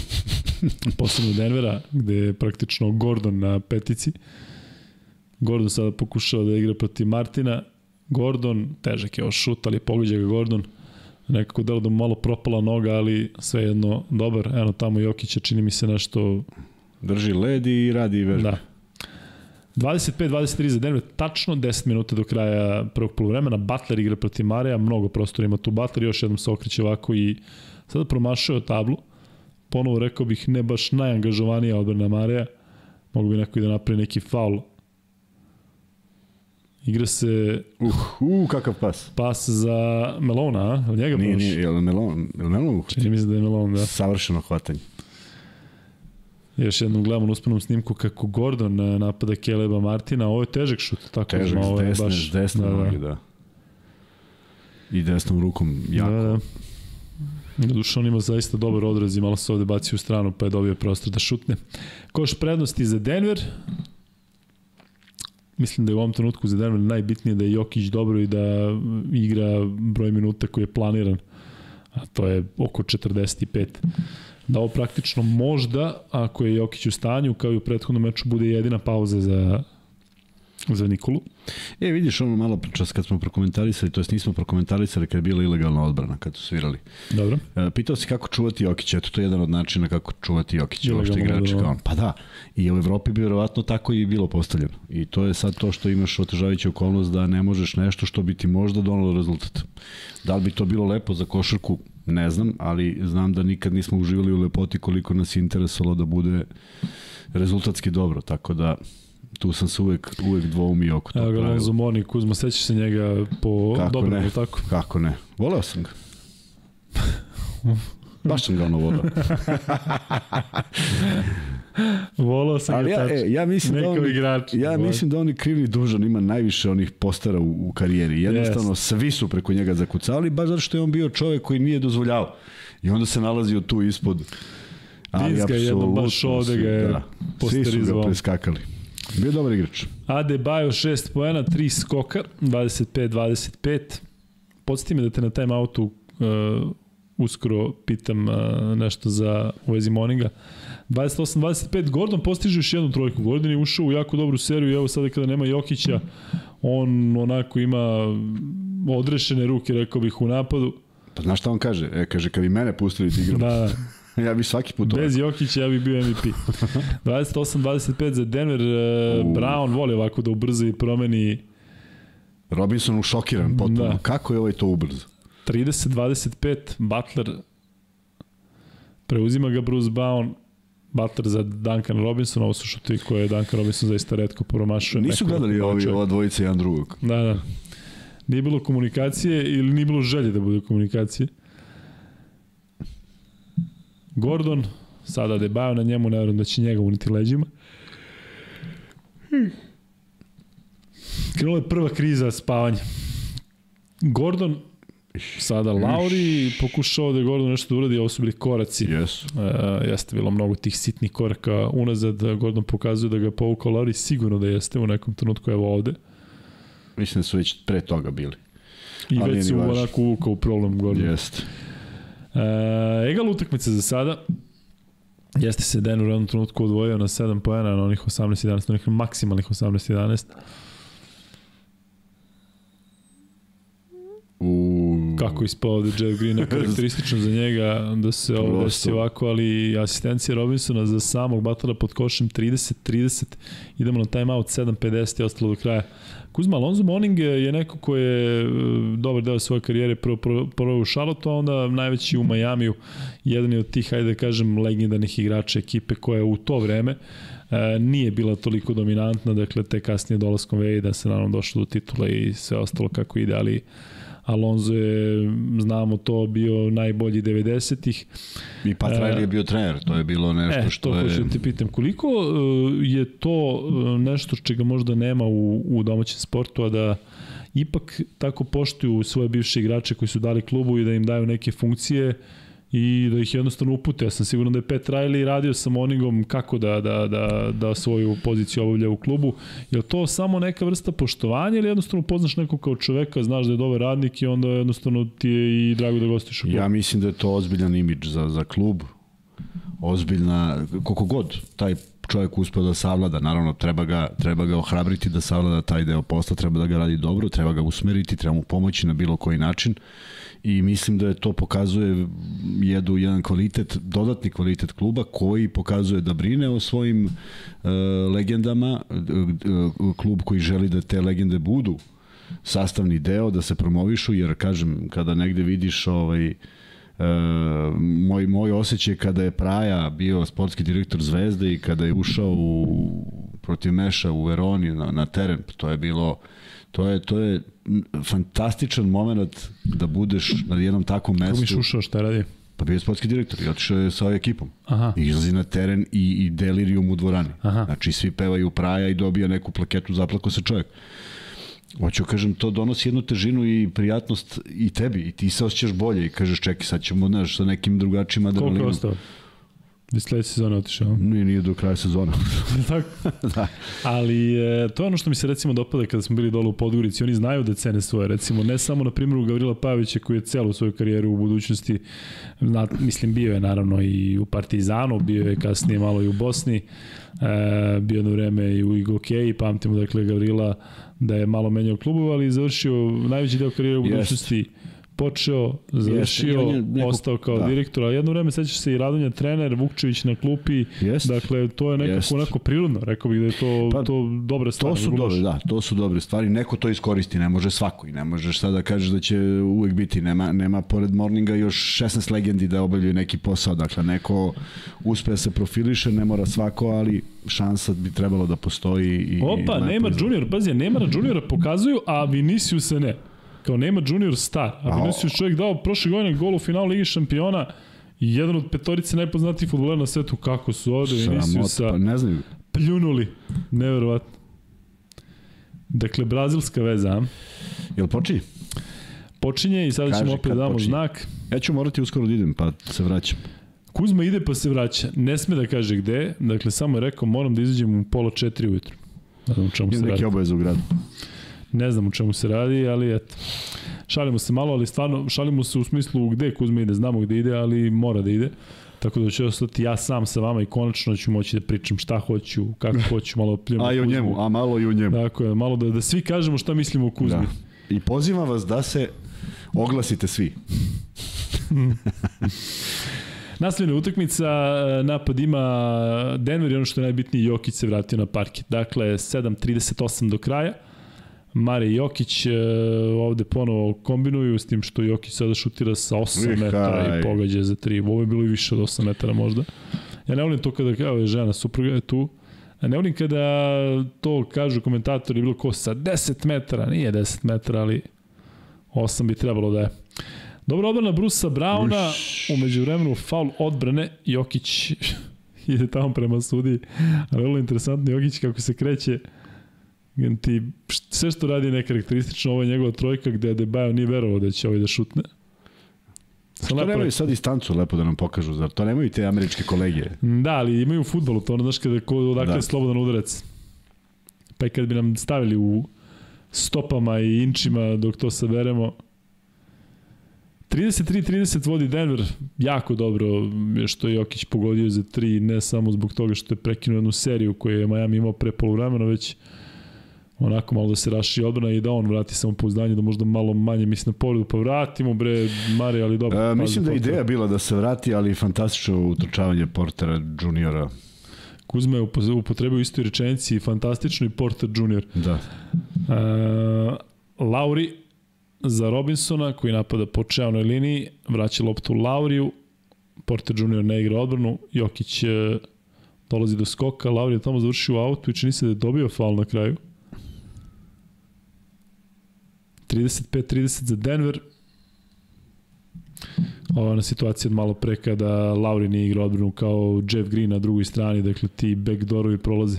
Si volao da utrčiš na backdoor Kuzma tako igraču iza leđa? Mm, da, ali bilo jako teško, veruj mi. Mnogo, mnogo ređe nego, mnogo ređe nego sad. Manji teren bi, ja. Nije bio manji teren, imao si pravo da bampuješ igrača koji ulazi u, u, u, u trčava, ti mu staneš na putanju, pozicioniraš se dobro, to nije bio faul, sada je tu prednost za napadača i odmah dobiješ ličnu grešku. Kuzma, ali... ako moraš da ideš Ne, čekam samo da mi potvrde. Ali ovaj, da ti kažem jednu stvar, uh, nervi slomove su dobijali treneri na backdoor. Znači, otprilike ako mm, nešto, znači, kad, da gradiraš, kad gradiraš katastrofu, backdoor je prva na listi. Darko Ilić kaže pozdrav iz Birminghama. Darko, piši da li je Birmingham britanski, odnosno engleski ili onaj alabamski. Zato tako je kad se ja ljudima govorio, rekao, pa, alabamski, neće kažu, neko... e, da, donesi mi dres, rekao, nije, nije taj Birmingham. 35-32, 6-34 do kraja prvog polovremena. Petorka Denvera je sledeća. Bruce Brown, KCP, Aaron Gordon, e, Porter Jr. i e, Nikola Jokić. Porter Jr. E, napada koš, čini se da je bio faul, jeste, nije uspio da pogodi sada.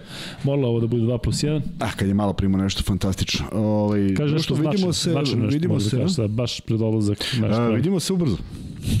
Nikad značajnije, a? Ode Kuzma. I sad svi pitate šta je to u 3.21 da mora da se napušta studio. Ja znam i ne sam da vam kažem, to je javna tajna. E, otišao je Kuzma, ja sam sad sam u studiju. Ovo nikada nisam doživeo, mislim da nikada niko nije ostao sam u studiju. Dakle, Srki veliki došao, priključio, Kuzma počeo, otišao, ali vratit će se stvarno. I evo, samo vi i ja, tako da zadovoljstvo je šta da vam kažem.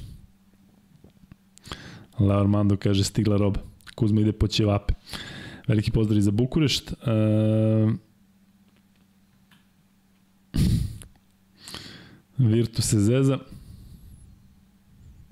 Zamišljam Kuzma ispod mosta nekog sastanka sa mafijom. Da, kao u ovom, u Sopranosima kada se nalaze Johnny Sek i Tony. 36-32 vodi Denver, 6-20 tačno do kraja uh, prvog polovremena. Gabe Vincent predvodi napad Majamija. KCP ovde ga čuva, sve preuzima Denver u odbrani ovako u ranoj fazi, a Debajo sada proti Jokića ostavlja loptu Butleru, da li da možda ovde KCP napravi i faul, u svakom slučaju lagano zakucavanje Jimmya Butlera koji čini mi se da mnogo više sada gleda prema košu nego prema sagračima što je bio recimo slučaj u onoj drugoj utakmici, pas e, Jokića za Gordona koji je vrlo autoritativno zakucao ovde između trojice.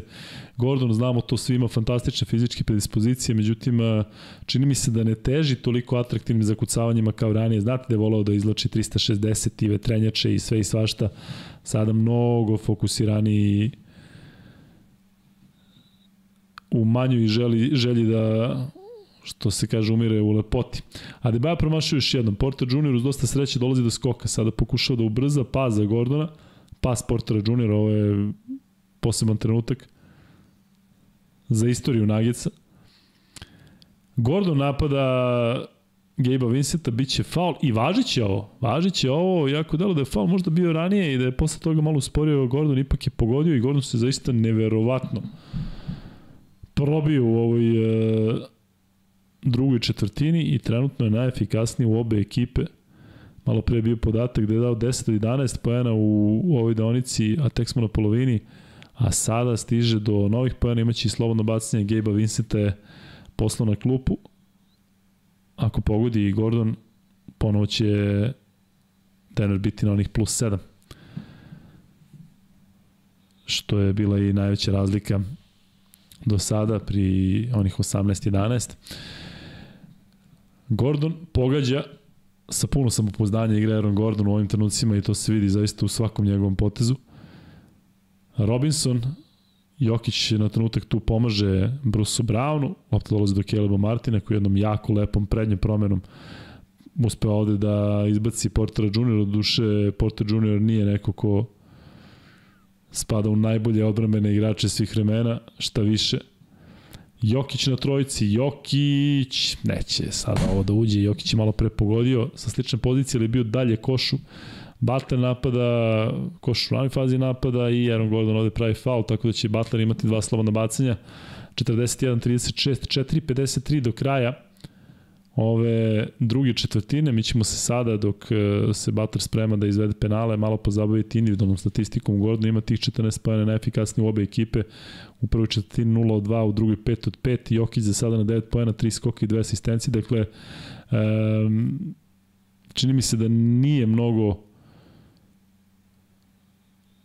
da nije mnogo ova povreda poremetila Jokića, ali e, navikli smo do sada da ima mnogo bolja prva polovremena, do duše ima priliku ovih 5 minuta da to i tekako popravi.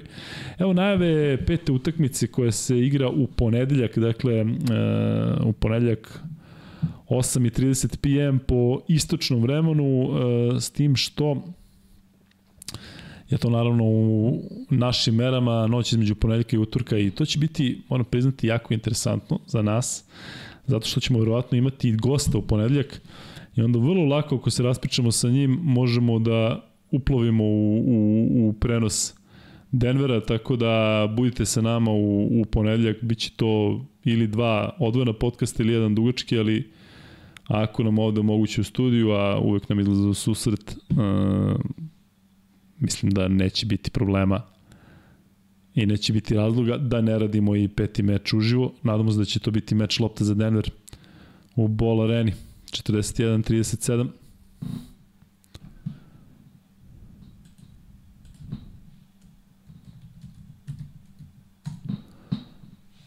Marej. Marej za Jokića, koji će još jednom probati za tri i pogađa Jokara bez koske. Svaka čast, majstore koliko ga onaj malo pre promaše nije poremetio, što više mislim da kod njega ima tog inata, da kaže, evo sad, sad ćete da vidjeti da je bilo slučajnost. E, Kele Martin zakucava dobar pas u parket e, Kajla Laurija koji ima zaista odličan osjećaj za asistenciju, jedan od, rekao bih, e, pametnijih playmakera u ligi u poslednjih deseta godina, Mari na drugoj strani. Mare za Jokića, Jokić na sebi ima Martina i to mora da se završi košem. Ipak Jokić promašuje i onda vrlo moguće da ubio autokoš. Vrlo moguće da ubio autokoš, bar se meni tako čini. Jokić je to kao i obično učestvovao na skoku i verovatno će ovo biti upisano njemu 46-39. Drugari na polovremenu, eto možemo malo da komuniciramo, ali nemam s kim drugim da komuniciram kada nema Kuzme, eto pričat ćemo mi, tako da postavite pitanje na polovremenu. Kao i obično, poraste nam gledanost kada radimo live na polovremenu, zato što ima naravno i dosta onih koji se tada uključe. Jokić još jednom za tri preko ruke Debaja, sada nekarakteristično ishitren šut za Jokića u ranoj fazi napada preko ruke. Do duši ima kredit i inače za ovakav šuta, posebno nakon one trojke koje je pogodio malo pre Butler za Debaja, a Debaja ovde ulazi e, jednim driblingom još dublje u reket i pogađa tablu 46-41, ono što je već sada uveliko izvesno to je da će ova četina biti mnogo efikasnija nego prethodna. Ide pa za Gordona Eliup, sjajno ovde Jokić utrčao ka penalu i tako navukao dva igrača na sebe, odlično to pasam prati KCP i Denver igra vrlo tečno, dakle ovo je nešto što nismo videli u prvoj četvrtini ni od jedne ni od druge ekipe, Lauri ovde traži faul i uspeo da ga iznudi, ali s obzirom na to da je ugazio u 7.25 imaće dva slobodna bacanja. Lepo vidjeti iskreno Foresta Vitakira i Krisa Takira i ostale te face, do duše Miami jeste destinacija gde ili živi mnogo poznatih ličnosti ili ih put nanese tamo, a verovatno mnogi dolaze da gledaju. Inače, kada smo bili e, na nekom prijemu, pa smo videli Bogdana Bogdanovića, rekao mi je da e, ide da odgleda e, Jokaru, koliko sam razumeo, ovo bi moglo da bude jedan meč kada će Bogi biti tu, a pretpostavljam da će biti onda i u Koloradu u narodnoj utakmici.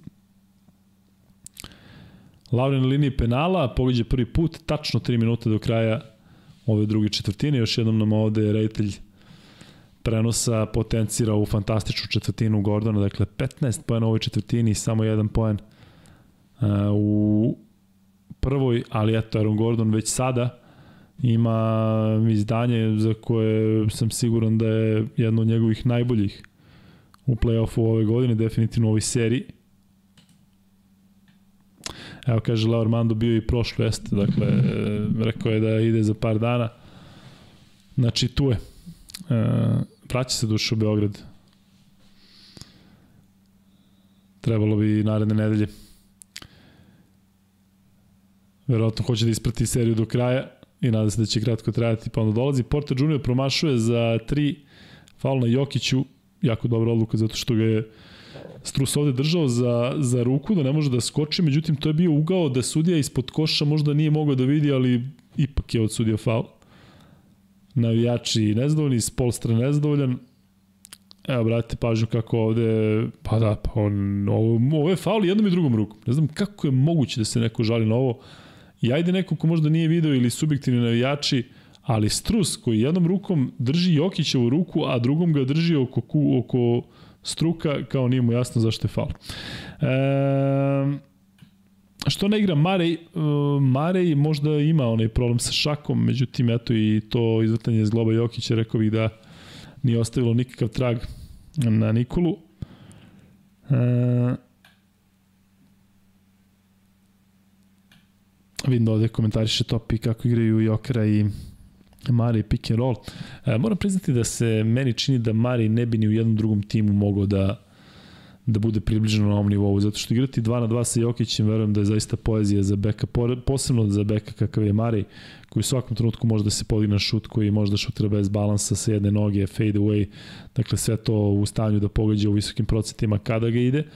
E, I kažem šta god da, da, da igrate sa Jokićem, dakle da li je to onaj klasičan pik, da li neko uručenje, pa onda blok, bilo šta što njih dvojice iskreiraju, ovaj, to deluje dobro i e, mislim da postoji mnogo igrača sa kojima mi Jokić kvalitetno mogu, jednako kvalitetno da igra pick and roll, a da ne postoji igrač u ligi ili tim u ligi gde bi Mare imao toliko slobodu i, kažem, toliko šuteva. Možda bi mogao da ode u neki tim i da bude igrač koji ima onako kredit da šutira koliko hoće, ali bi morao mnogo više da kreira iz igre 1 na 1 i mislim da koji god da je to tim gde bi uh, isključivo bio lider Mari, da taj tim ne bi uh, prošao dobro. Uh, ok, dok traje ovaj time out da vidimo još šta se dešava uh, na četu. Uh, kaže Aleksandar Dačić da ni on iz Bosne ne može da prati prenos na YouTube-u, vjerojatno ima neko ograničenje samo na, na, na Srbiju. Luka, da li misliš da je Gordon X faktor kada se radi o Nagicima? Mislim da dosadašnji tok serije. Ja sam govorio i tokom ove sezone da apsolutno mislim da je on drugi igrač ove ekipe, iako statistički Mari posebno i Porter Junior ipak deluju bolje, međutim on je neko koji je u stanju da se potpuno podredi timu, da preuzme ovakvu odgovornost kada mu se otvori, ali ne da to radi na silu.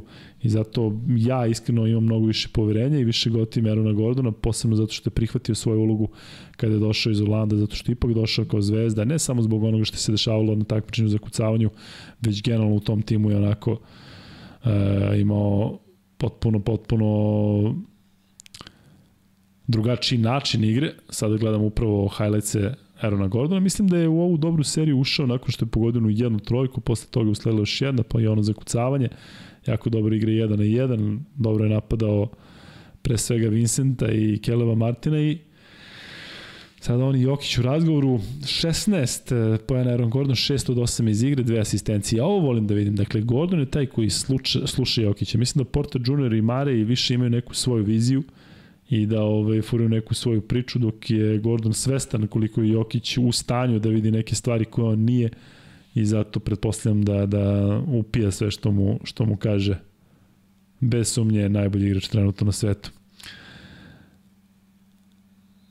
Ima tu sada nekih slika sa takmičenjem za kucavanje Aaron Gordona koji u velikoj meri e, promenio svoj imidž kada bude polovreme, osim što ćemo časkati sa vama, e, ispucat ćemo i dva free beta, tako da znate. Luka pretraži na Google Jamal, Jamal Murray's hand, pogledat ću, verujem da će se odmah pojaviti ta fotografija.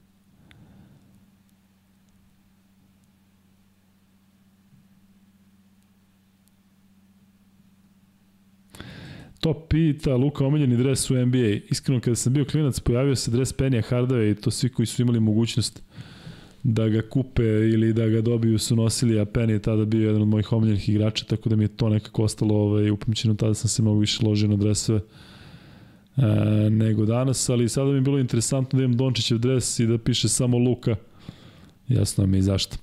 Jokić je pogodio oba slobodna bacanja, Denver ima 50 poena, ima plus 7, dakle Denver e, je za sada dao 30 poena u ovoj četvrtini za 9,5 minuta, pre svega zahvaljujući Gordonu, Mari Butler ovde u nekom duelu. Ne bi bilo dobro po Marija da nakon ovog fala uđe u neki trash talk. Mislim da Butler u tom u tom duelu može da bude mnogo, mnogo korisniji Miami nego Marej. Mada Marej duše voli tako da priča, znate da je oni seriji protiv Lakers sa Lebronom često razmenjivao neke nežnosti. Lauri ipak na liniji slobodnih bacanja, redko kada promašuje Kyle Lauri. 50-44. Uh, sećate se Laurija iz perioda Toronto, vi koji pratite NBA ligu i sećate se vjerojatno koliko je bio besan kada je tradovan DeRozan za Kavaja Leonarda, ali uh, eto, da nije bilo tog i da mu nije Dragur otišao, sigurno sam da ne bi imao titulu. Gospodin Ujiri zaista fantastično radi posao GM-a. I znalo se da će te sezone da gurnu sve ono karte i sve da, da otvore i otvorilo im se. Raptorsi su u toj sezoni, kada smo poslednji put prenosili NBA ligu na sport klubu, i kad smo zaista radili baš ja i Miksa ogroman broj mečeva i tokom sezoni, posebno u play-offu, Toronto je tada izdominirao, mada pitanje šta je bilo da je Golden State bio zdrav i da se nije desilo ono Durantu pa Thompsonu. E, nastavljena igra do kraja tačno 2 minuta Michael Porter Jr. sada pogađa i dalje ovi njegovi dvokoraci ne, ne deluju mnogo sigurno, ali ovoga puta o tablu precizan. Ponovo tih magičnih plus 7 za Denver, 52-45, Porter Jr. ima 2 od 7 iz igre, ima 5 poena, pada tamo ode Bajo, e, sada oni i Lauri igriju 2 na 2, Jokić lepo ovde seče ovaj pas, Jokić za Mare, Mare za Portera, bit će faul koji spada u kategoriju dobrih, napravio ga je naravno Lauri, E, koji ne dozvolja ovde da se kontra završi lakim poenima. Umeđu vremenu Lauri naravno priznaje onu grešku koju je malo pre napravio na drugoj strani, a još jedno vidimo kako Jokić ovde izbio loptu Kelebu Martinu. Neverovatno kakav osjećaj ima apsolutno za sve na terenu Nikola Jokić i zaista mislim da je Milina igrati sa takvim košakašem koji ne samo da je fokusiran, već u stanju zaista da predvidi onako dva, tri poteza u napred, šta će uraditi protivnik kada je u napadu, šta će uraditi, odnosno kako će vas braniti kada je u odbrani. I kaže, mislim da je malo onih situacija kada ste sami, a da ne dobijete loptu od Jokića.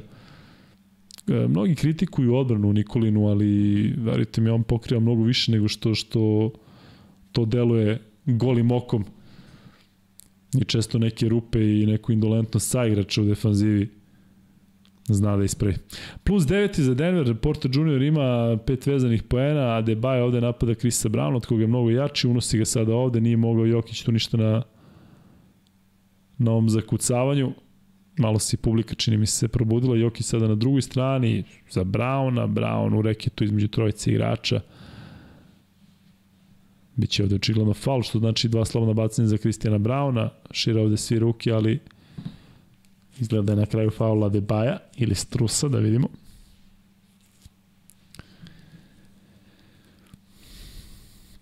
Još jedna situacija od malo pre Adebayo, zaista vrlo snažan, vrlo pokretan, vrlo eksplozivan. I ništa nije mogao je Christian Brown, čim ga je preuzeo, bilo jasno da se ne piše Denveru dobro. Brown promašuje slobodno bacanje, nije realno da Brown do kraja ove playoff serije odigra na onom nivou iz prethodne treće utakmice kada je bio zaista impresivan. Dao tih 15 poena, evo sada baš potpisuju to 15 poena, 7 od 7 je imao iz reketa i jedini promaš je bio šutu za 3 poena. Imao je četiri skoka, nekoliko ukradenih lopti. Ono sjajno kucanje, tako da no, on je bio sjajna energija za Denver u toj prošloj pobedi. 55-47 do kraja polovremena još tačno jedan minut. Lauri, Lauri za 2, pogađa ovde, puno Mari, čini mi se da je uopšte nema nameru ovde da ni da pokuša da odigra bolju odbranu. Lauri ima 13 poena, on je najefikasniji u timu Majamija. Mare igra protiv Martina, pa onda lopta za Jokića, uručenje za Mareja, Marej, težak je ovo šut, promašuje ga Marej.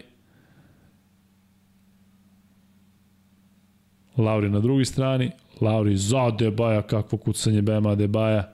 Ovo će mnogo značiti Majamiju pred pauzu, dakle da se malo podignu jednim ovako atraktivnim potezom. Probudio se Debaja koji ima zaista i na ovom meču ogroman broj šuta, već je na 11, šest puta bio precizan.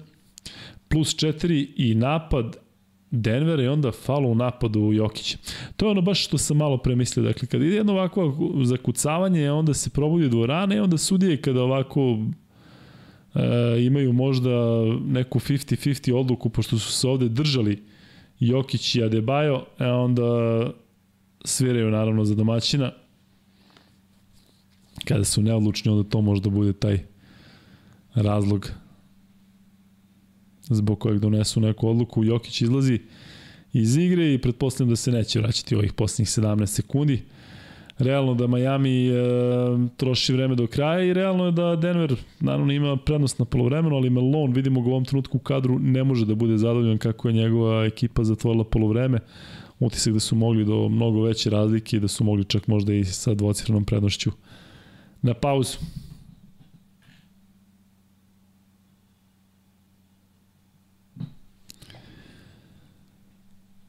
Da vidimo.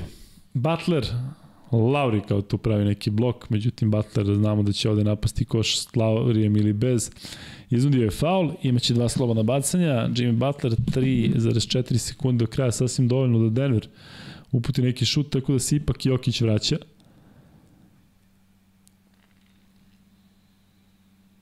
Čist faul Portera juniora, nema šta.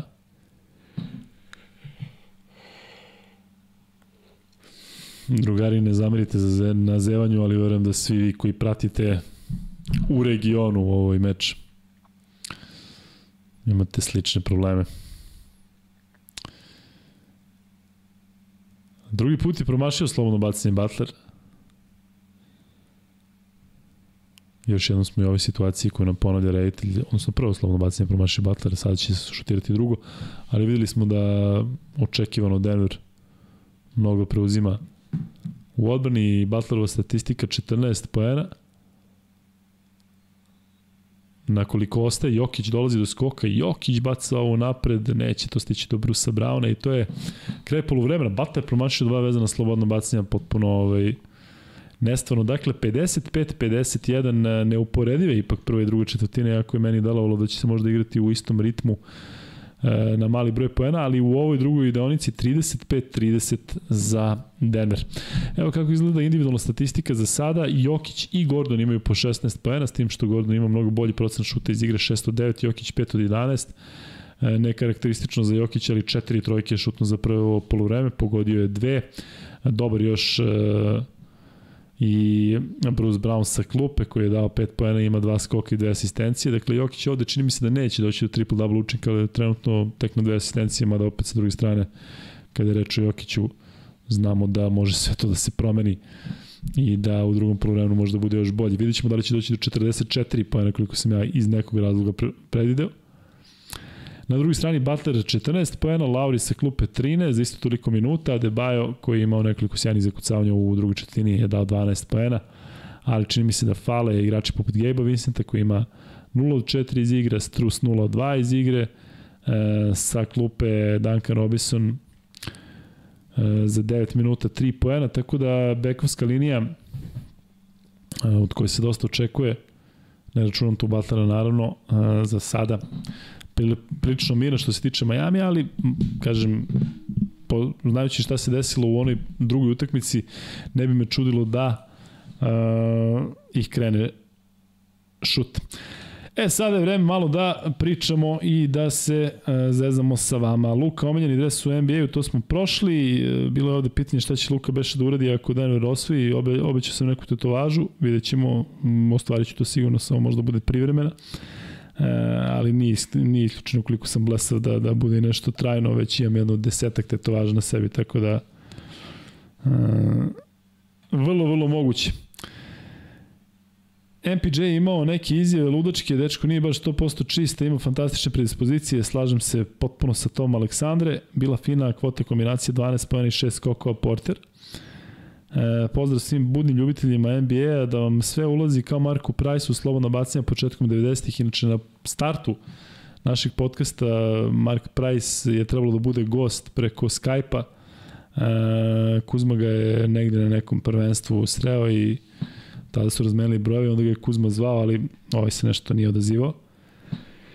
Hmm.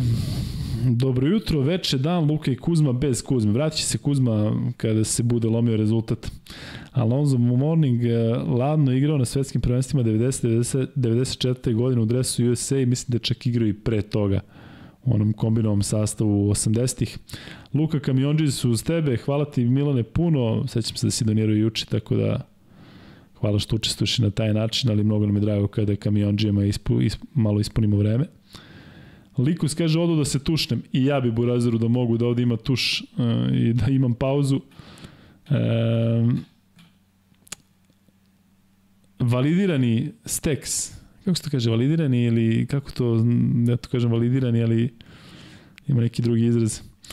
E, Denver očinu otvorio 1 od 4 i 2 od 4 mola bolje jeste. Lukal moguće da ne mogu da odbrane Laurija na niskom postu sa svega 183. Kažem ti, Nenade, mislim da je do, do želje Mare u odbrani koji je uglavnom bio taj koga je napadao Lauri, ali s druge strane, ajde budemo zahvalni što je Mari tu ako je to ovaj, već bilo problematično sa šakom.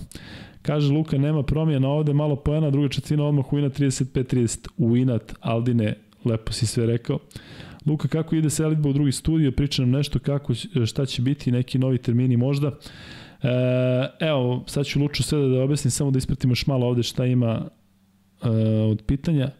Pitanje je da li se iko seća radio prenosa sa kraja 90-ih zvezda igla u Italiji protiv nekoga, ne mogu da setim koga, ali je baš bilo slušati košarkaški prenos, ovo je slično.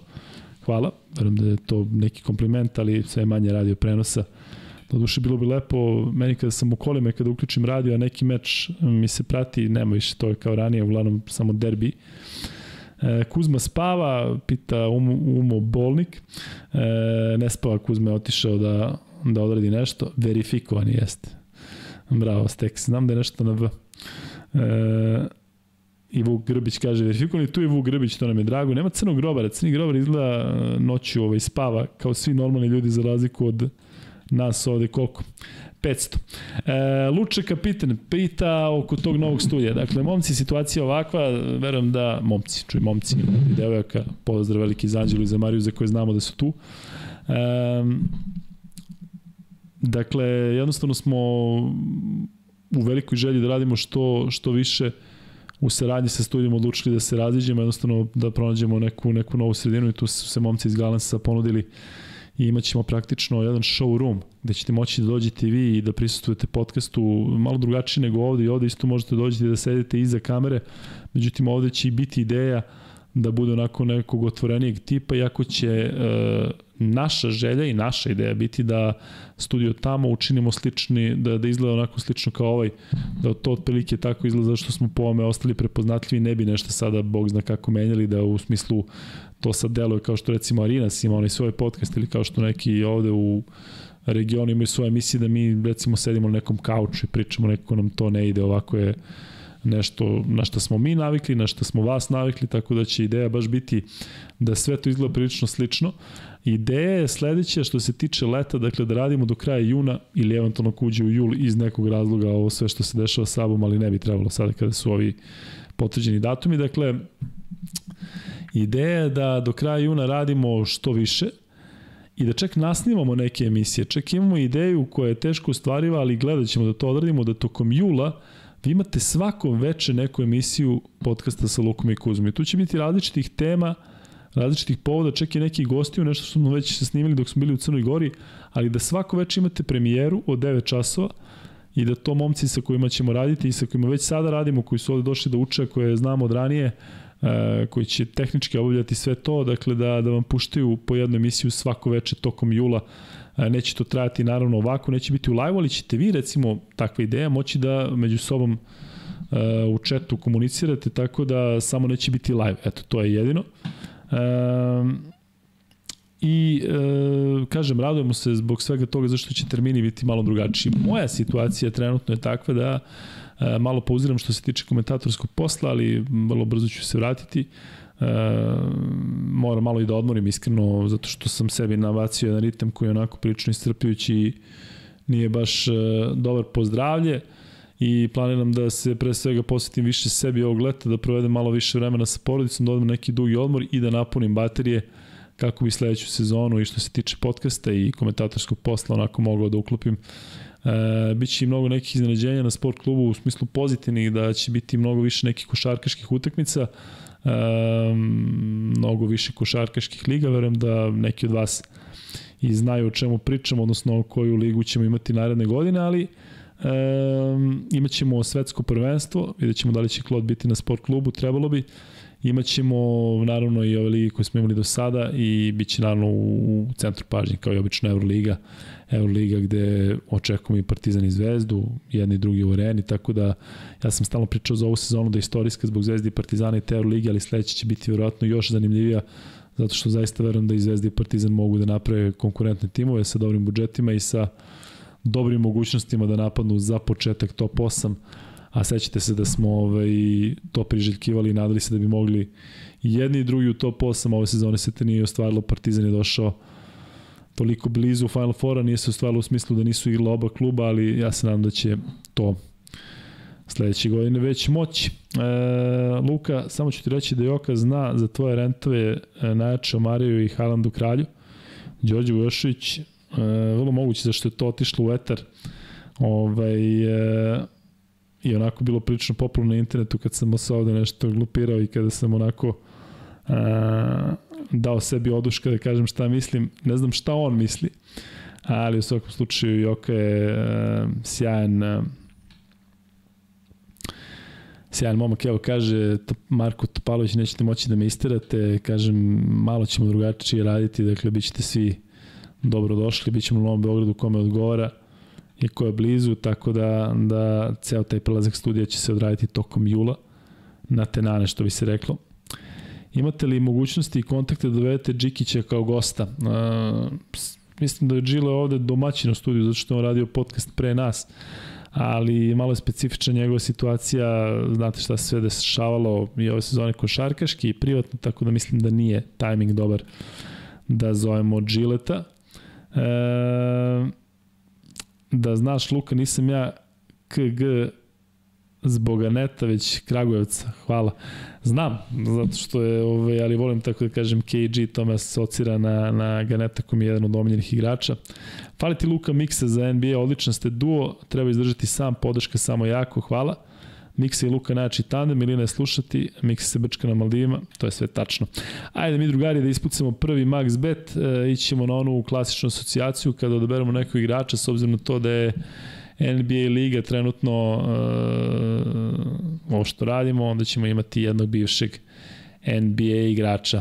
E, prva asocijacija za ovog e, za ovog košakaša morate da date puno ime je da uh, ima jedno od najčešćih američkih uh, prezimena, pa da vidimo da li će neko već sada da otkrije o kome se radi. Uh, moram priznati da mi on bio jedan od omiljenih igrača kada sam odrastao, tako da sam sada i otkrio otprilike u kojoj eri je igrao. Uh, I da vidimo šta kažete, samo da prebacimo na live chat, da ne bude nekih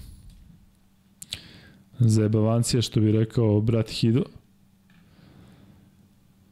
Lek se pita Luka, čekamo Jokrenu na terasi? Naravno da ga čekamo, bilo bi lepo da se to organizuje, ali iskreno uh, sumnjam da će neko da se toga doseti, osim nas ovde. Brown, J.R. Smith, Kevin Butler, Green, Steve Smith nije. Uh, ajde sada idemo na, na drugo drugu asocijaciju. E, imao je pesmu, rap pesmu koja je napravljena za njega. Čak i učestvovao i u spotu i mislim da sam sada nekim od vas prilično olakšao. Javonte Green, Kevin Johnson, Magic Johnson, Irvin Johnson, uh, Jason Williams, Magic Johnson, Duncan Robinson, Kobe Bryant, Isaiah Thomas, Mahmoud Abdul Rauf, Mahmoud Abdul Rauf, to je Manojla bio, ovaj, bio igrač, nevjerovatna priča, pogledajte ko ne zna malo o Mahmoud Abdul Raufu, šta je proživao kroz svoju karijeru, a kakav je car bio, kakve imao psihičke probleme i bilo mi je drago da ga prenosim u Big 3-u. E, gde igra veliki broj bivših NBA igrača. Neki Green nije, Magic Johnson nije, LeBron James nije, Reggie Miller nije. E, kaže Leksa, ja mislim da bi Jokiću bilo neprijatno da izađe na trasu, verovatno. Ja mislim da se on pita da bi rekao, nemojte ljudi, molim vas. Booker, Henry, Rodman, Peyton, Miller, nije. Snoop Dogg i Ljubka Stević. Dobra fora, Leksa. Shaq, Shaq O'Neal nije. E, Lou Williams nije, Allen Iverson nije. E sada ću da kažem ko je e, odradio pesmu, to je LL Cool J. LL Cool J, imao sam to na video kaseti i ovaj, bilo je mnogo dobro zezanje. E, Vlad Divac DLM nije, nije baš Divac neko karakteristično prezime u Sjedinim američkim državama. E, e, sada bi trebalo da znate, dakle, o kome se radi, o kom košakašu se radi. Ako je LL Cool J imao pesmu u čime spotova je učestvovao. Vrabac Kemp nije, za Kemp je odradio Pearl Jam, odličan, odličan spot i odličnu pesmu, nisu duše za njega radili, ali mnogo zanimljivih zakucavanja. Nije ljudi Kemp, šta mi je, Marvin Bagley nije. Kako bi ne znam, Telel Cool J za koga napravio pesmu? Larry Johnson, Ivan Ićin, tako je, Larry Johnson. Larry Graham, Ma Johnson je bio jedan od mojih omiljenih igrača kada sam ovaj, bio mlađi, učestvovao na takmičenju za kucavanju, imao neke zanimljive poteze, sećate se kako je bio povukao mrežicu, ali vrlo snažan, onako Barklijevski jedan izgled e, za poziciju za koju je igrao nizak, ali u nogama izuzetno stabilan, tako da eto, to je prva asocijacija i Drugu ćemo da odradimo jako brzo i ima preko 500 ljudi u live-u, što je zaista fenomenalno za 3.56 ljudi petak na subotu. Uh, još jednom hvala svima koji su tu sa nama. Uh, hoću da vam kažem dakle da zaista postoji želja i kod mene i kod Kuzme da sve live-ove do kraja uh, radimo zajedno. Ne znam da li će se Mikse priključiti u nekom trenutku i on sigurno sam da je raspoložen da radi kao što smo radili onaj prvi meč, ali e, takođe bi trebalo ipak akcena da bude na toj finalnoj ABA seriji gde su nas malo zeznuli da se igra u ponedljak, to bi bilo mnogo lakše ovako se igra utorak kada već ovde studio ima popunjene termine ide Lab 76 u svom standardnom terminu, međutim izlazio nam je studio mnogo puta u susret, pa možda i oni nešto pomere, u svakom slučaju mislim da je realno, mm, odnosno da je izvesno da ćemo raditi posle meča, ako ne i e, sa meč. Gleda se ovde trenutno u kako je u kakvom je stanju ta desna noga, odnosno desni članak Nikola Jokića, nadam se da će sve biti u redu. Ajde mi da ispucamo i drugu drugu asocijaciju e, i reći samo da taj čovek ima neke veze sa ovim e, NBA finalom, ali kažem ima neke veze, dakle nemojte da, da sada poletite, bit će vrlo specifično. Dakle, e, sledeći košarkaš, koga ćemo, koga ćemo ovde da imamo u free betu, ajde malo da poživimo, igrao za UCLA. Igrao je između ostalog za UCLA na koleđu, a kažem povezane sa ovim finalom. Da vidimo da li će se ovde neko setiti e, da li će moći da poveže sa tek ovom prvom asocijacijom, inače Ivan Ićin je neko ko sigurno zna e, šta treba da radi, dakle da pošalje kao dobitnik prvog free beta svoj max bet nalog na lukikuzma.gmail.com e, Riley e, kaže Rade Ponjović, ljudi lajkujte Luka se sam pati u ovo nedoba, ispoštujte. Dobro, dobar je broj lajkova na, na, na ovaj broj e, ljudi u live-u, tako da lajkujte naravno, ali I za sada je ovo ok. Dejan Milović, Pet Riley, Paul Millsap, uh, Nick Van Exel, uh, Baton Watson, Miško Rašnatović nije. Uh, Alonso Moning, pa ste sad ovu asocijaciju. Igrao je u Partizanu. Pa sad je vidite. Kevin, Lana, Kevin Lava, De Bajo, Baron Davis, počinje muskulu u drugo polovreme, pa se nadam da će neko da, da pogodi. Westbrook nije, on jeste igrao na UCLA-u. Jeff Green nije, počelo je drugo polovreme, upravo, ali ajde da, da ispratimo samo ko je dobio ovu uh, asocijaciju, odnosno ko je dobitnik drugog Max Bretfi Breta, Mario Chalmers nije. E, sad ću reći kako je povezan sa finalnom serijom. Trenutno mu je na parketu brat. Ajde da vidimo sada, sada je već jako lako, tako da će neko jako brzo da pogodi. Strus šutira za tri i promašuje, lopta pada u ruke uh, Jokiću. Drug Gordon je tačno, Nemanja Brković je prvi, ne, nije Nemanja Brković, već je Leo Armando. Leo Armando šalješ na lukekuzme.gmail.com, a mi se sada posvećamo utakmici. Uh, Ukrao Miami loptu, Bata nije pogodio, Jokić dolazi do još jednog skoka, 55-51 i dalje imamo rezultat sa polovremena, 11 minuta i 10 sekundi do kraja treće četvrtine, Mari pada, a, izgubio ovde balans, traži ipak loptu kako bi još jednom napao Vincenta i dobio od Jokića koji će uvijek da ispuštuje svakog sagrača koji mu traži loptu. Mare iznudio nekako faul, išao ovde na drugi obruči, e, imaće dva slobodna bacanja. Da vidim zaista u kakvom je stanju bila ruka, pričali su mi ljudi šta se to desilo sa šakom. Jamal Murray hand,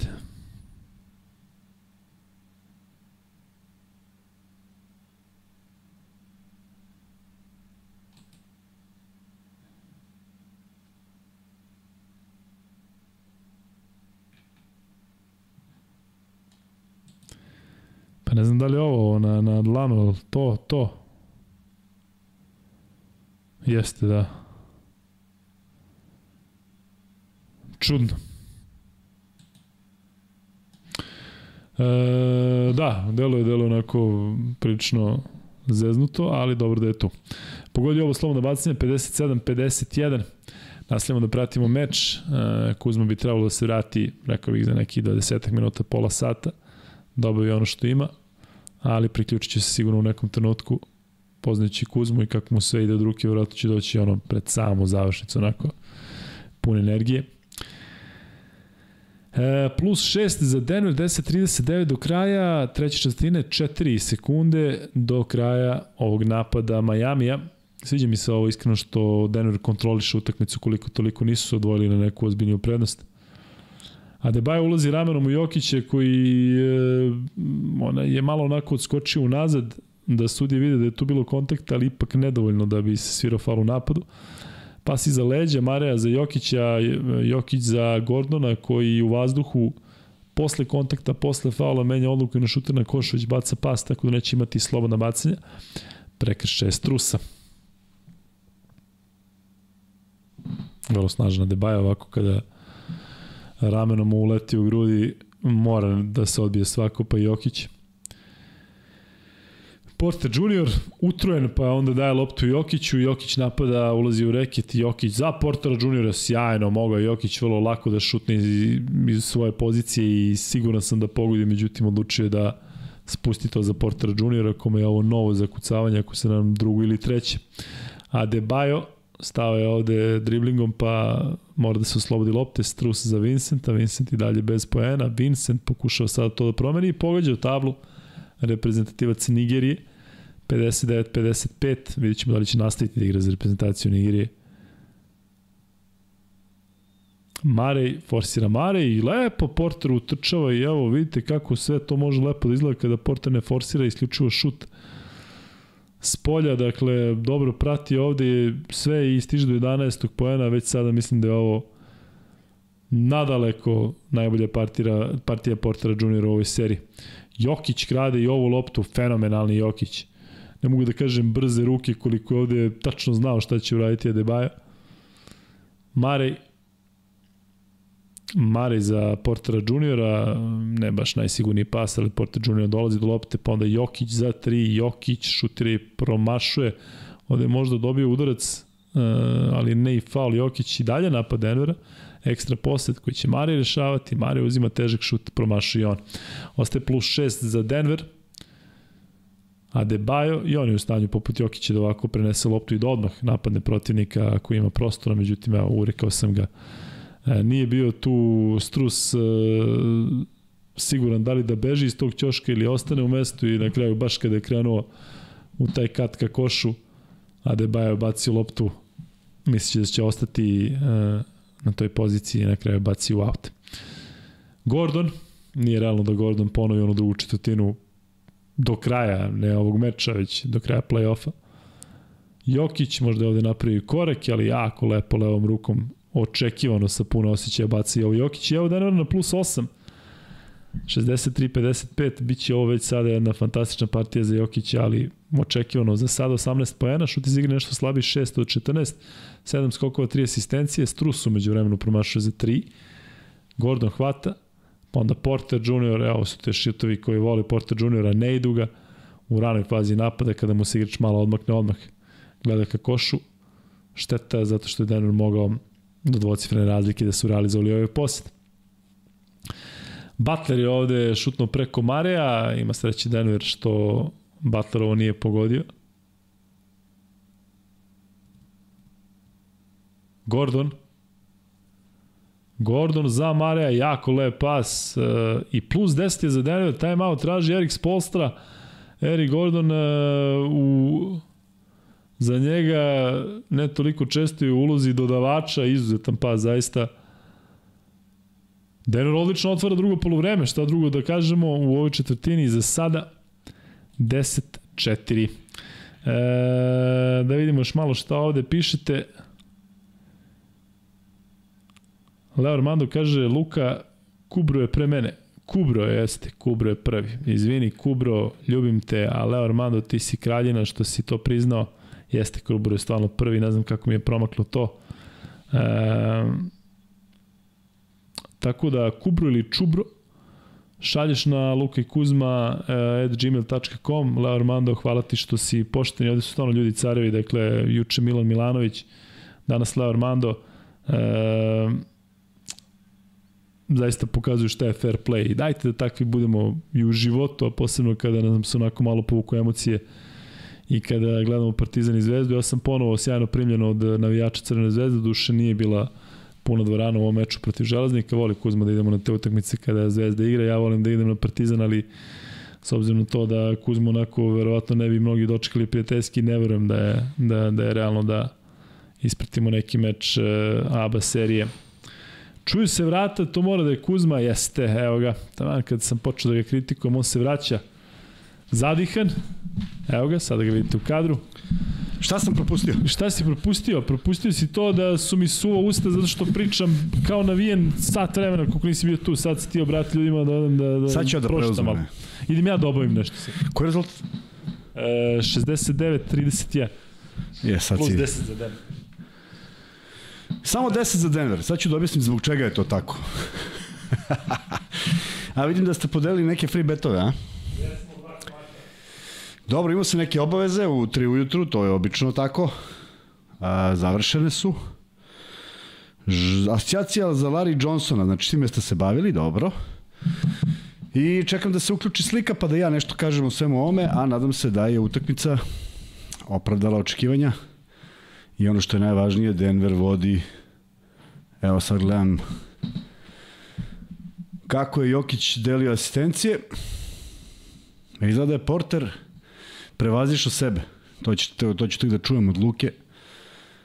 Kada... 11 pojena, ih, haj. Kada se bude vratio.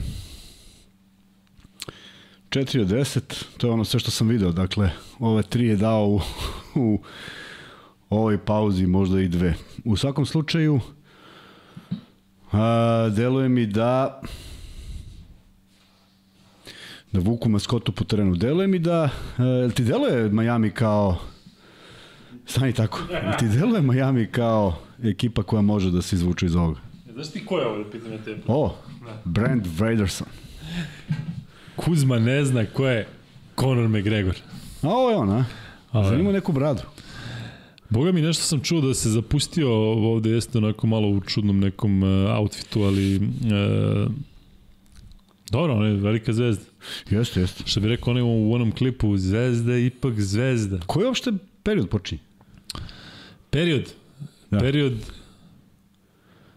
Ovi se, ovi se Kameno doba. Ovi kao hit under, undrafted imaju i 15. Ne mogu stanu svi u A kad. pazi, undrafted, uh, 6, 2, 0, 3. Kao, pa sad znamo da, zašto. Da, da, kao, evo objašnjenje.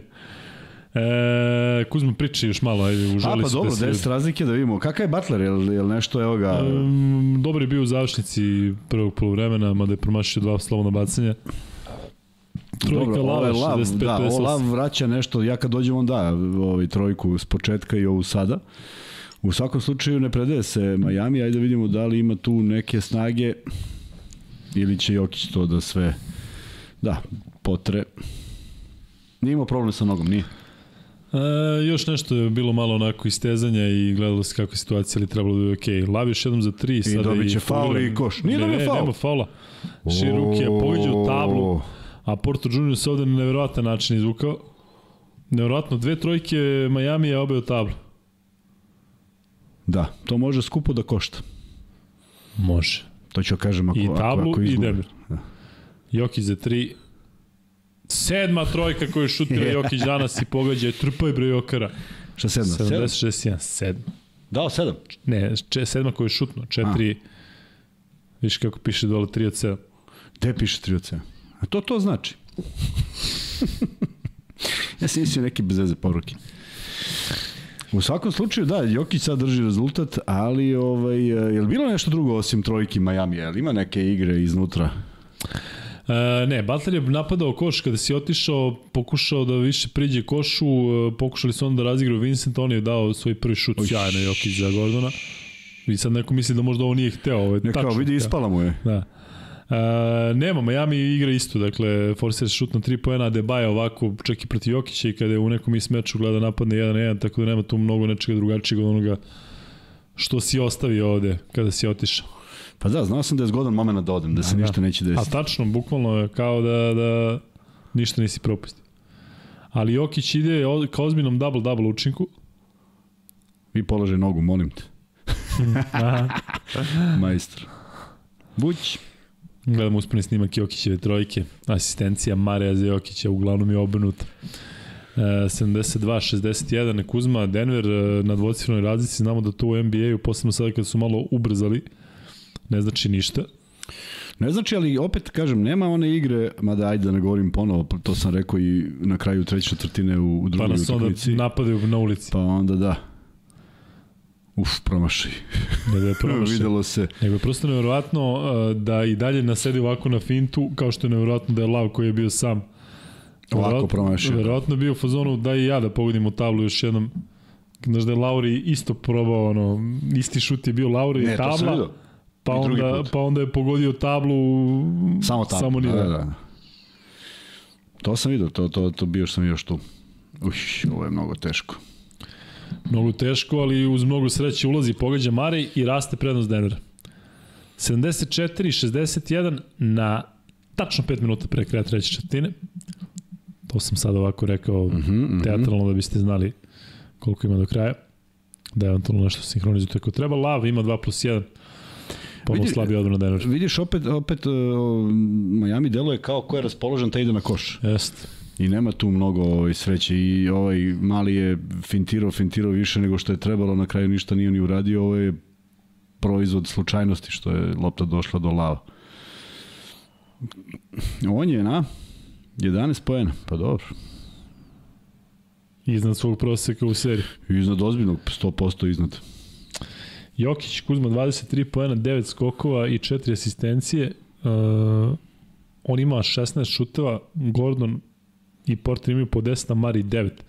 Dakle, Jokić je agresivniji i više gleda ka košu nego ranije, sad Mari pokušao to da izbalansira, pa onda baca loptu ka košu kad god stigne, sada nije pogodio, Gordon i... Uzo timeout. Da, pa je li mrtva ili... Jel Jeste, ima to još ono? ima ima. Uh, skakaće za loptu od Debajo i Gordon, ovo će biti jako interesantno podbacivanje, zato što uh, obojice imaju neverovatan skok iz mesta. Ja ne znam da li su znali da ima samo još 3 sekunde, jer, je- jer je promašen obruč. Da. Šta misliš u tom trenutku kad se boriš za loptu i shvataš da imaš 2 sekunde, pustiš loptu? Pustiš njemu Da. i kreneš negde da misliš da će da, da, da Ne, ne, pustiš me, ovako si je držao, onda se pustiš. I on, aha, šta misliš? Razmišljao sam, verovo ili ne, razmišljao sam o tome kako se rešavaju te situacije, ali Ne, bi, ne, ne, znam, bi ne, ne znam šta mi trener rekao da je recimo tako nešto. Što si pustio? Pa zašto je bilo 2 sekunde? Uje, kako držanje. U, ovo je još bilo uzlaznoj putanji. Ade i obe ipak uspešni. Moj Ade i obe. Lauri, Lauri u najbržem, najbržoj akciji ikada, nikad ga nisam vidio da ovako, da ovako brza, sada Martin O, izvodi Jordana u vazduhu, a Lauri ga već ubacio u ozbiljan problem. Daj loptu, Mare, ako Ne može, već ne imaš može. I kontru još 2 na lopta za 1, Miami, ej. daj loptu, ovako sad tu nešto glumiš i sad će Miami naravno da krenu u seriju. Butler, Smetaju mu. Smetaju jedan drugog. Lauri za Butlera, Uf, Butler za koja ideja. nekog neviđenog Halomena ispod koša. Si gledao film Halomen sa Kevin Baconom kad je ono... A, kada se ubrizgava ono inekciju. E, to. Jesam, odlični. A, bio je u tom trenutku. O čemu Ljubazan se radi? Kuzmi nije jasno šta Mari radi. Zato što nije gledao Denver Ček, ovoliko čekaj, pa puta šta se vraćao? Ajde još jednom, Mari. Ajde, taj, Mogu sad, a, pa i sada. žurci. KCP za 3, promašio on i sada ulazimo u onu fazu meča koja nije za gledanje. Dakle, Mogu sada, ako ste zaspali pre 5 minuta i još spavate, to je dobro. Mogu sam dosta na pivu i na žurci. Mogu si da Lafayette ovde projave, provalite. Luka, priznaj da si 93. švrljao po mainu, ovaj Duncan Robinson je isti ti. 93. sam imao 11 godina, tako da i da sam švrljao, ne verujem da bih baš toliko ovaj... Sestra tetke mi živi u mainu već godinama unazad, iako je menjala lokacije, tamo je... Tamo je ovaj... Ja tačno znam da imaš tu vezu bitan sa mainom, tako mi deluješ. Da, main, mainovski onako. Porter Somina glupe falove pravi zreo za trade. Nenad Janković ovde poput mene pada u, u, u vatru. Pa kako zar nije sad odigrao nešto lepo ovih? Da, ja sam rekao puta? da ako Mari bude MVP izlaz. finala da ću ga tetovirati na čelu. U, Tako da ću bar to da izbignem, to je sigurno. Jokić dolazi do još jednog skoka, evo ga, double-double Nikola Jokić, sad će možda to i da potpiše i onda greši. Ovo nije baš uh, bio dobar pas, on Duncan Robinson to polo, polože, a ne Melon valja, tamo Melon, Melon utrčao na teren. teatralno traži time out. Da. Ti zvizne Jokar jednu šljagu, te spusti malo, Šta mi tu ne teatrališ? treba da... Sam po, po, po, pogrešio sam prilikom pasa, još moraš ti tu da mi se praviš toš. Dakle, ne vidim. E, evo, šta je Luka rekao za tetovažu na čelu? Ako Marija bude MVP, da ću ga tetovirati na čelu ako bude MVP finala. Srećom, hvala Jokara, to se neće desiti da ne idem sa, sa Marijem Čuti život. kako Jokića ne ide, kako Jokića ne, jo, Nemoj ne ide u ovim ti izborima, da- da... izabraće nekog namerno. Mario od sine želje da napravi prvu zvezdu ekipe od sebe ispada u pojedinim situacijama baš loše. Pa jeste, on se takmiči sa. Jokićem, tako je. Sve si rekao, svaka ti je. Kad sam ja rekao moja, prošle godine. Sjećamo prošle godine kad sam to rekao. Kako, pa, kako se ne sjećam, ja se pamtim. E, pazi, sve što zaboravim, ja pregledam. Ajmo, ajmo, ajmo šta god nešto kažu, a mi kažemo, sjećaš kad ste... Baš ono kad sam ja rekao to pre dve godine. Kaže Lazar Jovanović, veliki pozdrav i big respekt za sve koji su budni u ovo doba. Da, svaka čast, divno, divni ljudi. Carski. Ovaj. Koliko ima, koliko ima? malo-. Ima 800, 1000, 200. Nema, ima 400. Dobro, ovaj, bilo je isto preko okej. 500, ali to je okej. Sad ljudi gledaju utakmicu, pa onda manje i onda kada je Jel Veljo tu, Veljo? Veljo? Piše nešto. Pusti Veljo, Veljo. čovjek. Možda ga probudimo, on, nas sluša. ne, ne, možda je zaspao, sad Veljo, nema, znaš. Veljo, budi se. Za sve koji spavaju.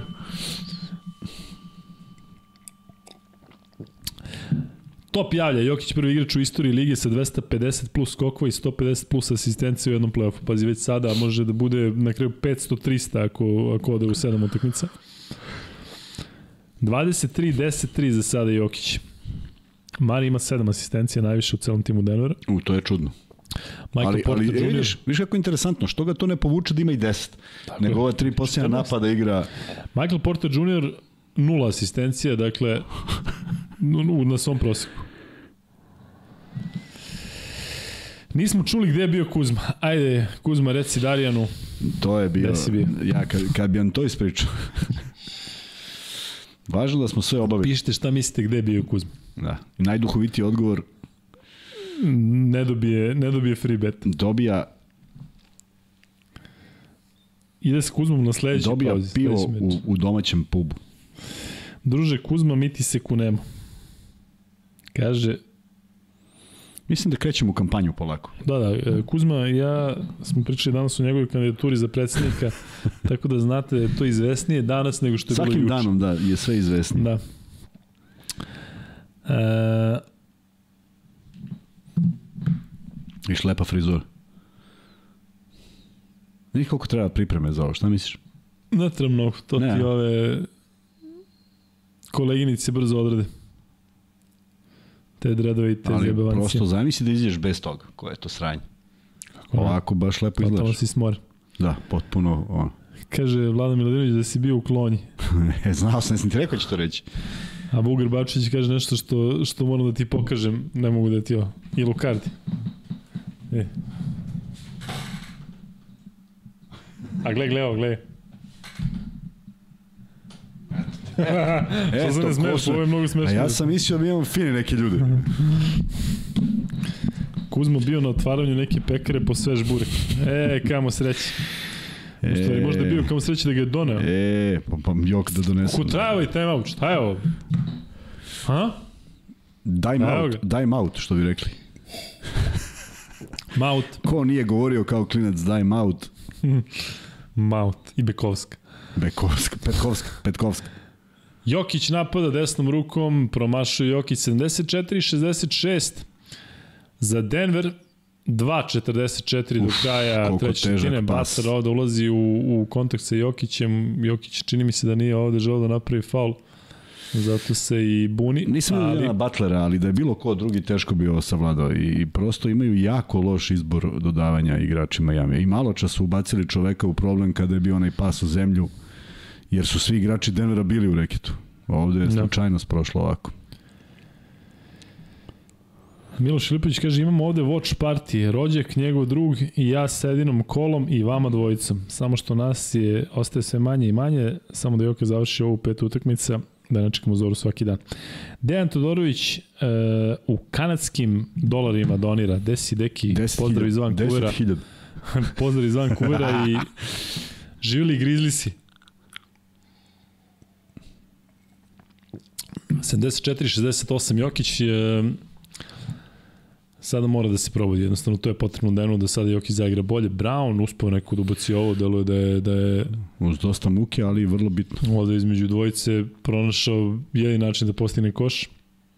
Ali ipak je stao neki napad Denvera, nema tu neke protoka i, i Jeste, jeste stao je, ali zato kažem sada Jokić mora da preuzme Gde je ovaj sad otišao? Šta misliš? Gde mu je prošao ovaj čovjek? Adebayo, Adebayo. tako bre, ne, ne, Vidiš može da se drži za obruč Burazeru kada je lopta na obruč. Ali svi gde je prošao njegov može. čovjek? Taman je krenuo Mm, na ulaz. Vidio?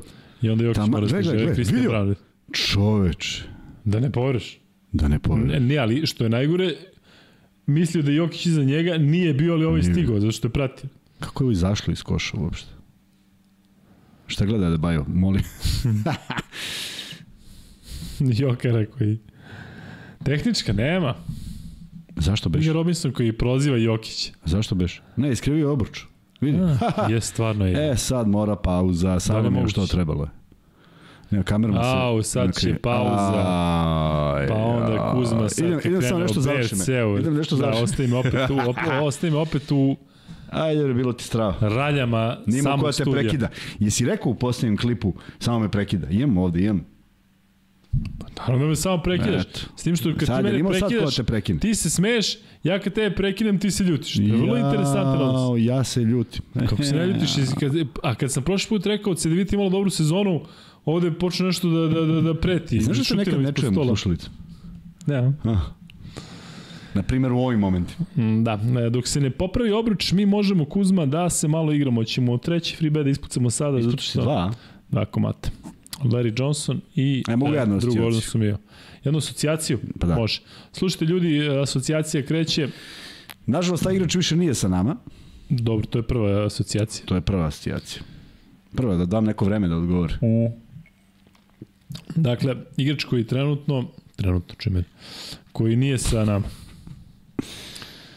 Hoćeš drugu asocijaciju da ispucaš Hoće zato drugu što asocijaciju. ljudi Njegov prezimenjak je svojevremeno igrao za Lakers.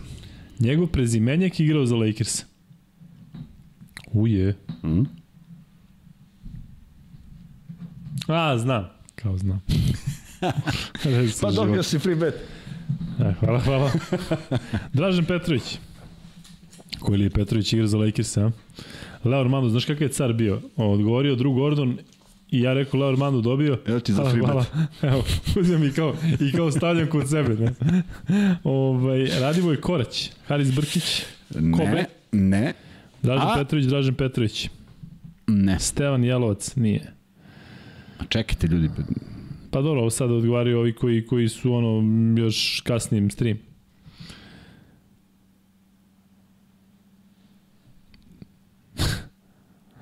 a, Čović. a, A? u skladu je sa ovom igrom koju smo ustanovili na kojoj dobijate ovaj, free betove. Dakle, njegov prezimenjak i on su u skladi sa tom igrom. U skladu sa tom igrom. Nikom ovde nije jasno što si te da kažeš, ali... Njihovo prezime je u skladu sa igrom koju igramo unazad nekoliko dana vezano za prezimena i imena. John Bryant, nije. Nije. Kobe, nije. Ko je sjeba obruč? Uh, Butler. Tako da ćemo ovde ostanemo do šest. A- Divac. Nije. A igrao je čak i u nekim filmovima. I zajedno sa Vladem Divcem. Vladem. Vladem, Vladom, Vladem. Sa Vladem Divcem. Željko Mitrović, nije. Elijah Brandt, nije. Nisam čuo pitanja, ali neka bude Mladen, Mileta Lisica. Tako je. Ko je? Mladen Đukić. Bravo, Mladene. Bravo, Mladene. Vidite, ovo je Kuzo mislio Lisica, Fox, uh, sve. A mislio si na Rika Foxa kad si rekao da je njegov prezimenjak igrao u Lakersima, tako? Kako to A? Kuzma uzme Vidio, pa... opa. Tam, Svaka zato čast, sam ja Mladene. bio odsutan, zato što sam o ovome razmišljao. Mladen Đukić kaže Mileta Lisica, tako da on Bravo, dobija, Mladene. dobija treći free bet. Partizanovac inače mladen, što tebi neće vjerojatno prijeti, vjerojatno mu neće ni dati free bet, ono kad vidiš. Sad kad, sad kad bolje razmislim, nije Milet Da, Ulis. da. Vrati na div, divac. Um, dobro, ispucali smo sva tri free beta. Kuzma, ajde da uh, pričamo sada malo o uh, tome kada se slomi obruč. Ali Bez zezanja, je bilo ono, koliko puta je bilo da se lomi tabla na zagrevanju kad si... Kad Bilo si... je drugačije, bilo, tabla je bila vezana za, ono, obruč je bio mnogo, mnogo Znam da je Vardalo drugačije. neke table, a tako veš. A? Vardalo malo, malo poslomi tablu, tako veš. Sećam se jedne utakmice OKH Beograd Zvezda. Poslednje zakucavanje na zagrevanju. Bavara. Ej, cela utakmica je bilo klizanje, kli, ili možda partizan. Dakle, koliko god si brisao ono, a u param parčat se razbilo. A kako su tad nadoknađivali? Sad znam ono... Znaš koliko da- traje? Pa traje čuku vremena. Pa da. Baš traje. Izgleda da su ovi burazeri ovo rešili. Nešto mi je sumnjivo. Momak u, u Sakovu broj više Sako. Znaš, ono, sede neki ljudi i pitaju, je li, šta se dešava ako se iskri? Ko je, ko je, ko je zadužen za to? Ko je? Pojavljuje se Baja Advokat, sa li, advokat. libelom ispod miške i pap i kaže ja. A garantovno to nije jedini posao u klubu. Jok, Kao, ti nije, si to- tu, to mu- ako to je jedini, da. neko, Znaš, ono, imaju, imaju za svakog po jednog čoveka.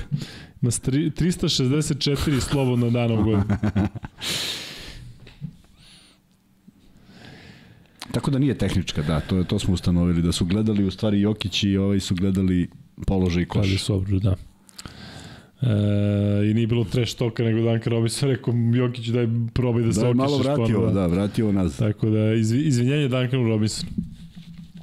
76-68, u ovoj četvrtini 21-17 za Denver, utakmica će biti nastavljena, Jokić i dalje na 23-10-3, uh, uz šut iz igre na manje od 50%, ali popraviće to Jokić, ne, ne brinem, 8 od 17, dakle 44 pojena sam rekao Jokića, Boga mi uz dobru posliju četvrtinu, možda i neki produžetak, što ono, što ono i streče tamo.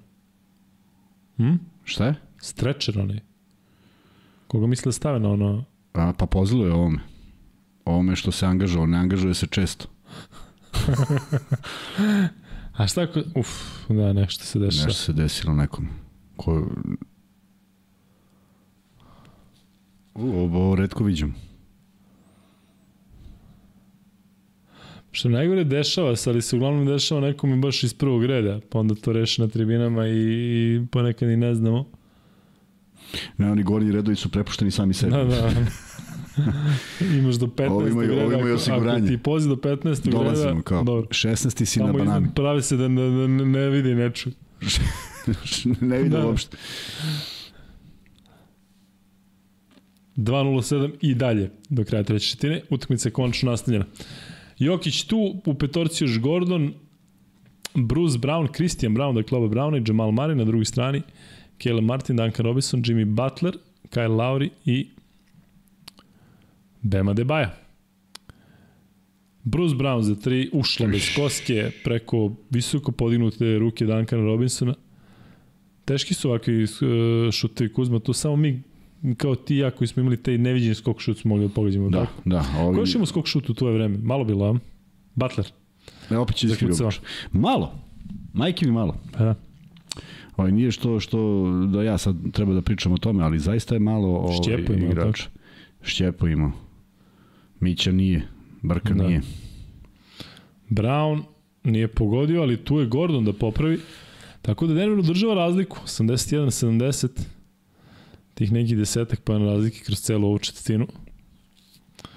Kele Martin za 3, forsira i pogađa. Gordon na 20 pojena inače. Verujem da možda padne možda neki njegov rekord u play-offu. Ne bih volao da na startu četvrte četvrtine vidimo Jokića na klupi, neko mi se ne čini kao dobra Ma, ideja. Ma ne sme, si lud. Da ga stavi bre. Uuu, bravo za bojicu. I Jokiću za pas i Gordonu za osjećaj. Za osjećaj, tako je. Gde je koš. A taman su se napali da skoče. Mm. 83-73. Završnica treća četvrtina, Debajo pokušao da loptu probaci negde gde je nemoguće da se provuče. Između nogi i ruke Jokića. Kakav je Jokić, je, šta je ovo ljudi moji?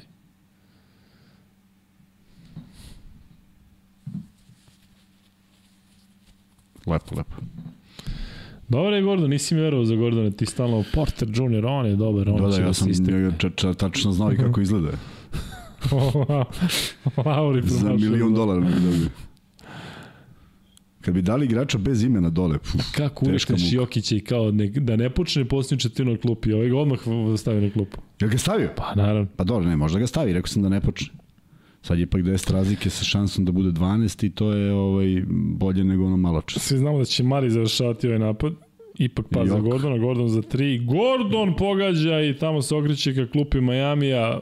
Fantastična partija Gordona. Idealna lopta Adebayo. za Adebaja. Od svih koje je mogao da dobije na terenu, dobio je on neverovatno. 86-73. E, o ovoj ideji pričam. Četiri beko, beka na terenu i Adejobe primi loptu. Slušajte šta kaže Dejan Dimić. Luka je rođen za predsednika Saveza. Ne bi ništa radio sigurno kao i svi i ja bi ga podržao. Slažem se samo što bih ja radio. Luka, koje su ti omiljene patike za košaku ikad i omiljene koje si imao? Kad sam bio klinac nismo baš imali mnogo para, pa smo onda imali sve neke imitacije, neki reubak i nešto, budi bok s nama. Abibos. Ali tada mi su mi se sviđalo na Adidas crne sa tri one bele crte, to su bile one šmekerske kožne. Ovaj, dok sam odrastao, bilo tu različitih Jordanke, ali kad sam došao na koleđe, kad smo dobili onu Jordanku... Uh, Flight. Ne, bila je bela sa ljubičastim džonom. Verovatno najbolja patika, najudobnija patika koju sam ikada imao. Ona sa preklapanjem? Ne, nego baš onako vrlo jednostavna, a vrlo lepa.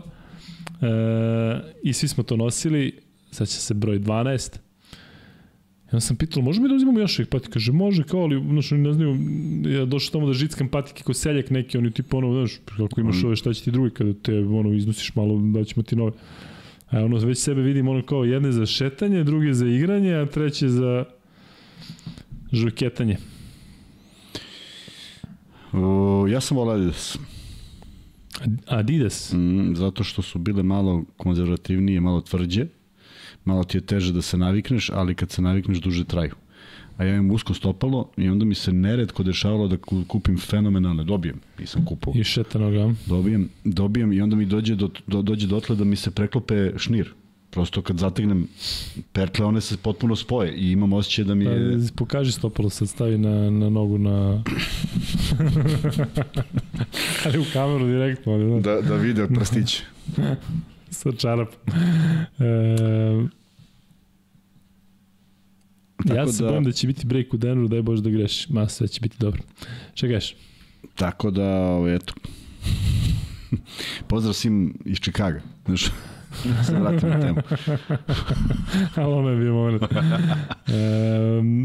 Samo da pozdravim naše ljude iz Čikaga, iz si Dijaspore. pozdravio, pa dobro, šta se ljubiš? Kuzma, sad ovo KLS i veliki pozdrav za dijasporu, za ljudi iz Čikaga. E, pitanje za free bet, kako se zove ovaj majstor za koše? E, da, to bi morali da, da ne bismo znali tačan odgovor, tako da ne bi imalo smisla. I drugo pitanje je gde je rođena žena koju su odazvino nosili? Laufer se sprda. Ima mnogo dobrih fora ovde, često ti nešto ni ne vidiš, a pričaš ozbiljno, znaš šta se dešava često, ti pričaš nešto ozbiljno, upadneš u ono svoje, stvarno nešto zakačeš neku A oni- temu, a oni- a ovi ovde Pa da. svoju neku priču i, i baš ima dobrih forma i glupo se smeje.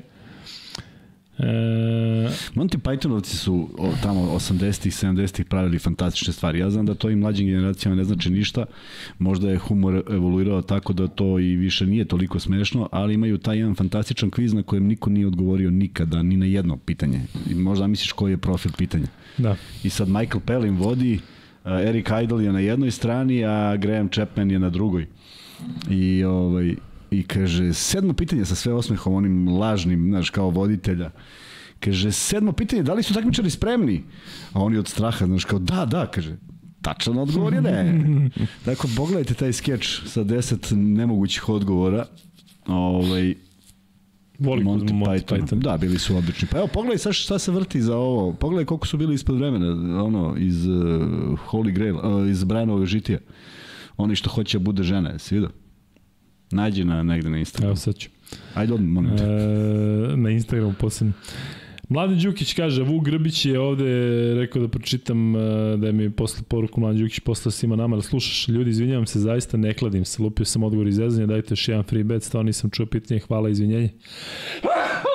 još jednom. Mladene, hvala ti što si car, ovde samo carevi su kod nas, tako da i Vrati ti, mi onih hiljadu dinara. čovjek se izvinio. E, Jokić dolazi do novog skoka. Kako si mladine lupi odgovor? To je genijalno. Ne, ti mladene zaslužuješ, Ti za dva free zaslužuješ neku, neku nagradu. Znaš, ako nećeš free bet, hoćeš na zlati. Da. Hoćeš ultru, to nudim. 86-73 za Denver. Uh, point differences. Šta je ovo? Razlika u poenima. Ja ništa ne razumem. Šta je plus 89?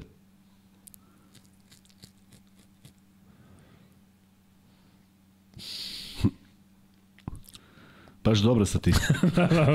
Posle koje ti dođe Znači, četiri da ugasiš, kao, da ugasiš utakmicu i kad radiš podcast da, da, da ga ne radiš više. Znaš, šta je ovo, šta je ovo objašnjavaju. 1115? I onda na internetu. 1115 znak pitanja. Joki za tri preko Keleba Martina, O. ali airball. Nije imao prostor za, za nije imao prostor za nogu napred. Povuko je i sve izgledalo bez veze u, u startu. I sad Burazer u beloj majici kao airball, Ne, Jokić. kao znao sam, ja ja sam rekao kao, znaš, vidiš da ne možeš da pogodi. da treba MB, MB da bude MVP. Da, da. Jokić 8 od 18 iz igre, 23 poena, 12 skokova i 4 asistencije. A da Jobe Jokera malo, malo pigra nogom. Drugo igranje. No, kao opomena pred tehniku. Imaćemo još jedan free bet, s obzirom na to da je Mladen ovde rekao da neće.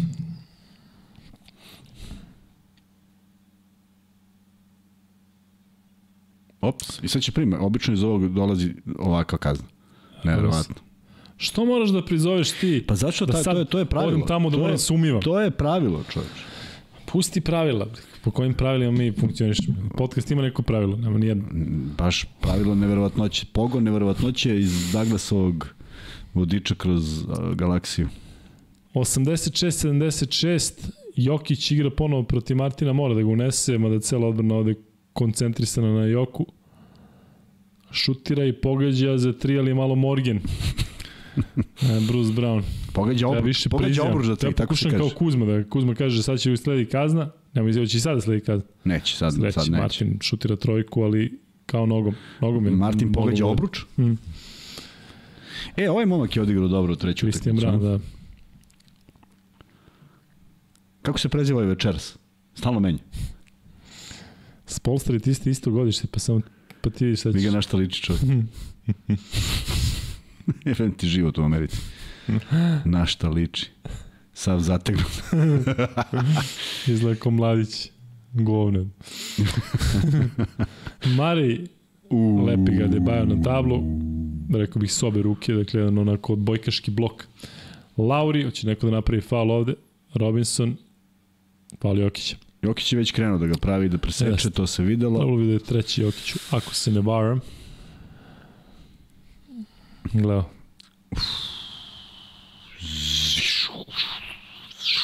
Mogu da Ja ukutim, dočaram, što- dočaram. Što, što, što, što ne hvati ovde loptu? Pa propala mu je, izleteo je. Ali i obe, prva blokada. Prva, ali vala vredi. Ja mu dao dve za ovo, pošto je bila s obe ruke. Da, prvo levom pa desno. Pa, a da i obe, pa Robinson, Robinson promašao za tri, dobro je za Denver da nije ušla ona malo pre trojka Martina, ovo sad Dve Robinson, trojke a to bi otvorene, vjerojatno da. bio Ovo nije baš bilo otvoreno, da, ali ona malo čas jeste. Nema faul u napadu da sviraš zato što si samo čekao, već si svirao u jednom u prvom problemu kad su držali i sad kao podvukao si ovo. Sad mora da izađe Jokić da se Pa, ne bi nervirao. ne znam li četiri ili Vidi, pet. vidi, vidi. A, Ni, ni F. Vidi ga, ja. a da i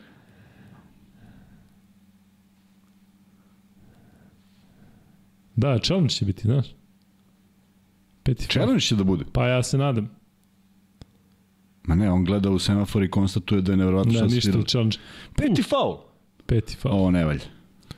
Ovo baš ne valja. Neću da dravim, ali ovo ne valja. I sad sudije, i I opet faul. sad vidi ovo je. Ne, ovo je. Dokle više te sudije? Do. Šta viš kad bi se kad bi provali bez sudija, da stvarno pošteno ono faul važi, faul Ali se- pošteno. Pa pošteno. Ne, pa to ti dobra reč. Svako zove faul. A faul, faul green, da, nije Gordon. Koji bre faul green? Nije ga pipnu. Sam rekao challenge. Jesam li ja rekao challenge? Traži challenge, čoveč. Ma ne možeš da traži ovome challenge. Kako možeš da traži challenge? Kako? Lepo. Kažeš, dobra, hoću jedan challenge, da li bio faul? U NBA može. Ma je, pa šta? I šta kao, u, dobro, nisam vidio kao. Izvini. A, da i obe. Ne valja mnogo, još 9 minuta za ovo. Hm, kaže Luča kapiten, naša od nogi u aut. Da, vikneš naša i to. je to, ta. Tako sam ja izgubio dobio tehničku. Lažu sudije mnogo. Šta je u UKG? UKG? UKG firma neka, mislim da je internet neka firma, sad ću je. Neki magnat, znaš tim za firme magnate. UKG, Ultimate Kronos Group is an American multinational technology company with dual headquarters. Ćao, zdravo. Sam ti rekao da je tako nešto. Da, znao sam Baš- da je baš dual, to, znao baš sam da je dual headquarters. Pa sam ti to rekao. Tako što se vidi iz naziva.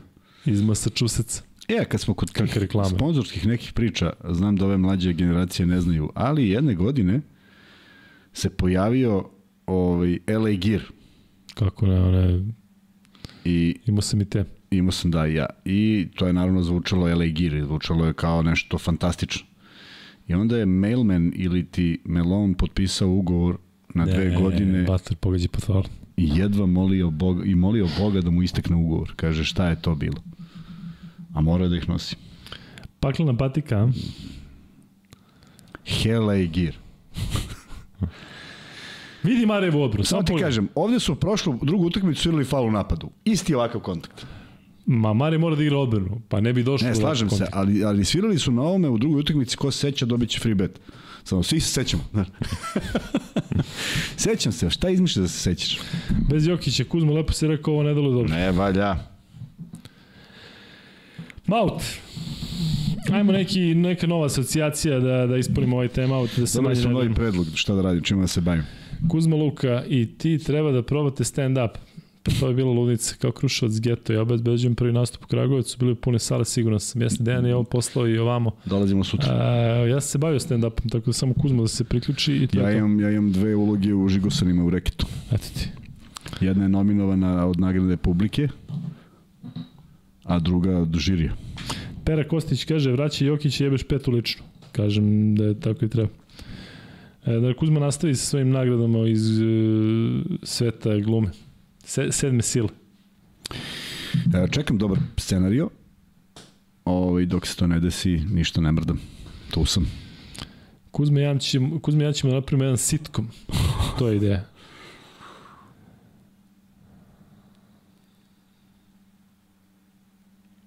Nevjerojatno zaista šta rade sudije. Slažem se ovde sa vama potpuno.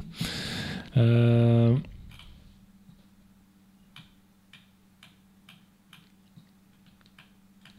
Nećemo free bet, a?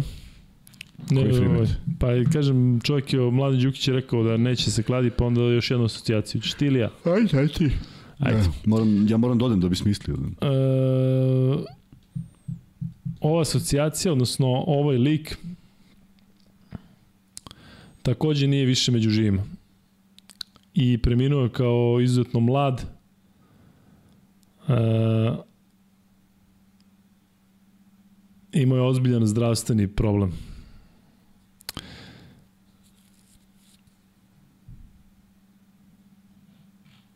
Što je logično kada je preminuo. Tu mnogo... Igra na poziciji centra i umro je vrlo mlad. Ajde vidimo šta kažete.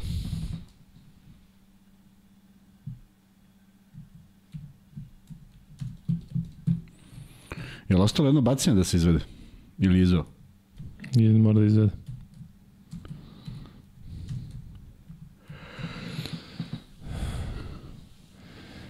Da vidimo šta kažete, drugari. Ko je igrač na poziciji centra je preminuo?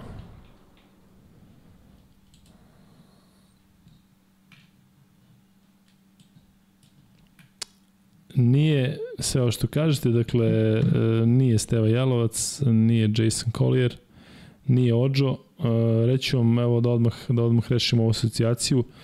Igrao je na e, poziciji centra i bio je na utakmici u znak sećanja na Kobe Bryanta, odmah prva utakmica u tada Staples centru kada su igrali LA Lakersi i Portland je odigrao prilično tre, te, dobro. Traktor, trailer, svaka čast što si se setio trailera, trailer je bio ozbiljna glava, nažalost kao i Mason i mnogi igrači koji pominjete odišao izuzetno rano. Da vidimo ko se seća ovog centra koji je odigrao dobro u tom meču. Portland je, ako se naravno pobedio uh, Lakers-e. Kwame Brown nije, Kwame Brown nije još uvijek živ, nemoj izvezati Laufer. Nije Ođo, nije Davis, dajte ljudi, setite se čoveka koji je ima ozbiljan problem sa gojaznošću odmah posle te sezone. A nije taj trailer? Ja sam mislio da si nekom čestito. Nije, nije trailer, umro, ima 20 godina. Pogođe za tri Mare umeđu vremenu. E, zaustavlja seriju, video si malo pre, ono, kako jako su objasnili iz druge utakmice i četvrte, paralele. Da niko ne odgovara. Pa ne Terence ja, ja nije, pojma nije o kome pričaš. Adrian Payne nije. Ali što ja ne znam, nije ni važno. Igra za Portland, kažem, imao ozbiljan problem sa gojaznošću, dakle, pojavile su se fotografije kako je kako ima mnogo kilograma. Ali da pratimo i utakmicu, pa će se valjda pojaviti neko 89-83. Boga mi je odlična utakmica Butlera da, za da. sada. Vuk Grbić kaže Caleb Swanigan, bravo Vuče, zaslužno dobiješ treći free bet da se vrati u meču.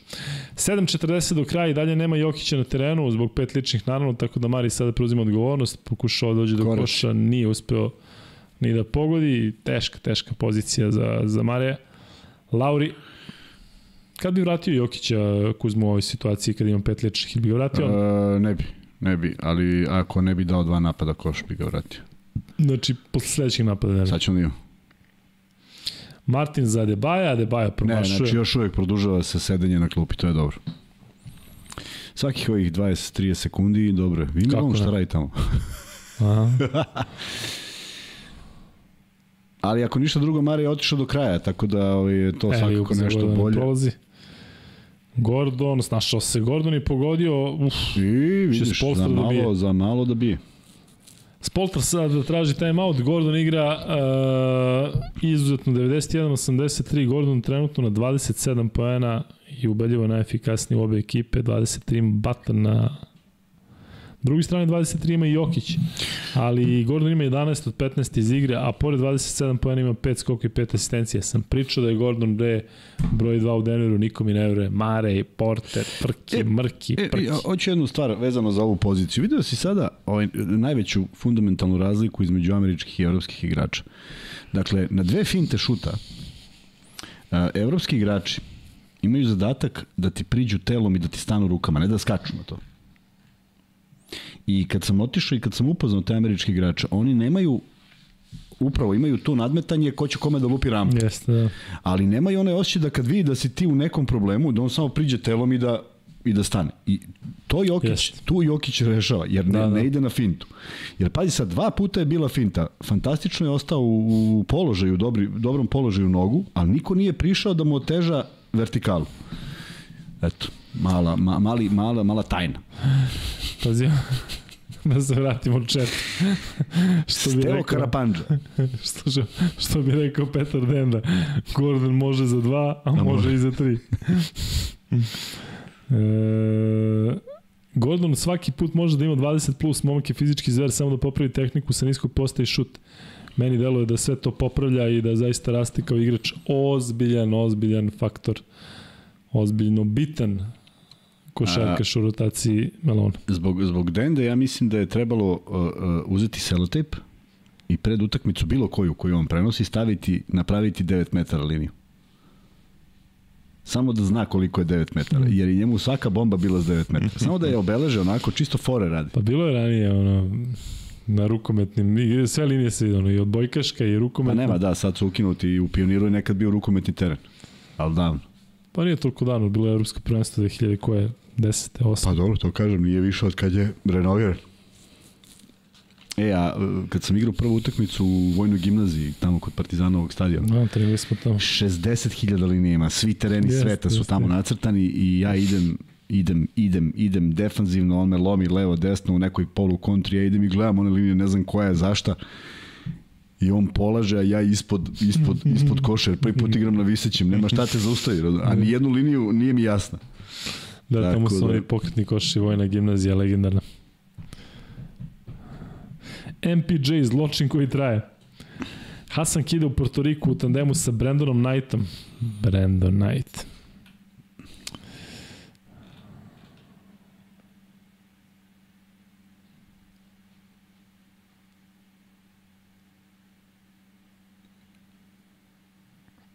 Bravo učem. Za poguđen free bet, Vuk Grbić koji da objašnjenje. Da, isto za Adriana Payna, stvarno nevjerojatna sudbina kako je ovaj stradao.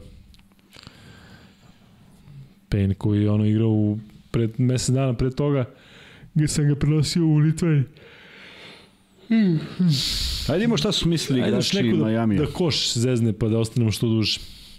First player in NBA Finals history with 10 plus assists in first four career games. Bravo tih. Prvih četiri utakmice? Pa na svakom meču ima u finalu četiri, uh, imao je četiri utakmice sa 10 plus asistencije, niko to ranije nima. Ajde imamo šta je smislio Miami.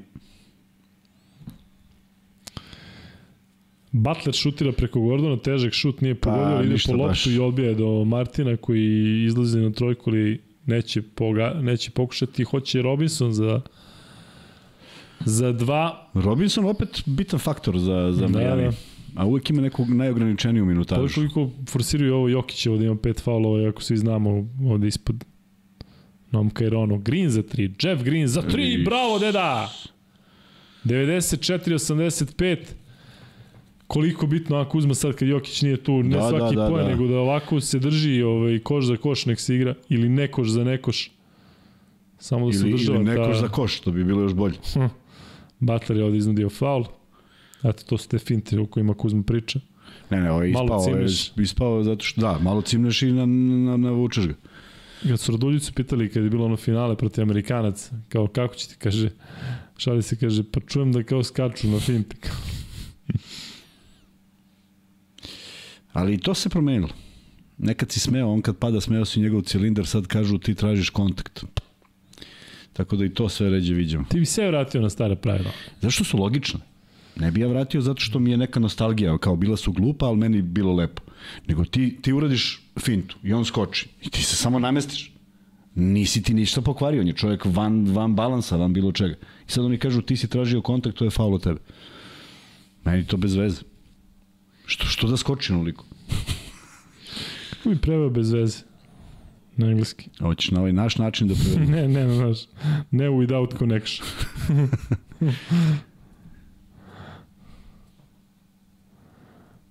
Ne razmišljam ako čekaš odgovor. Samo razmišljam. čekamo da ne gledamo, uopšte gledamo prazno, gledamo u daljinu. Marej, pa onda za tri poena Opet. šutira i promaše KCP, ali izborio se za loptu, ostaće lopta Vidi, vidi Robinsona nepoštenog. Vidi kako je nepošten. neko ovi naši carevi u čatu što pr prihvataju, priznaju. Kako je nepošten čovjek. Sramota. Vidi. Vidio. I pogledaj sad, pogledaj u facu. Nisam majke mi. Gle, gle, gle. Kako bre mi 100 miliona ljudi gleda ovo bre? Kako te nije sramota? Kako ti neko veruje u životu? Pusti čovjek, šta si ga... Ne mogu, sad mi, je, sad mi on, sad mi on. Murray. Da imamo šta će uraditi Murray. Up. Mari preko Adebaja, težak šut. Još jedan promašaj. Ne može ovako. Ne može vraći Jokića. bre. Dobro, je Zaliha ipak tu. Jokić još uvijek sedi na klupi, mada svi stoje na klupi tamo, rekao bih. Nema Jokića tu. Nema ga. Što ne stoji? Gde je on? Eno ga pretposlednji. Nije dupla, a? Gubi Bolje loptu Butler, Gordon kontra 3 na 1, biće to poeni za Brusa Browna, 96-87.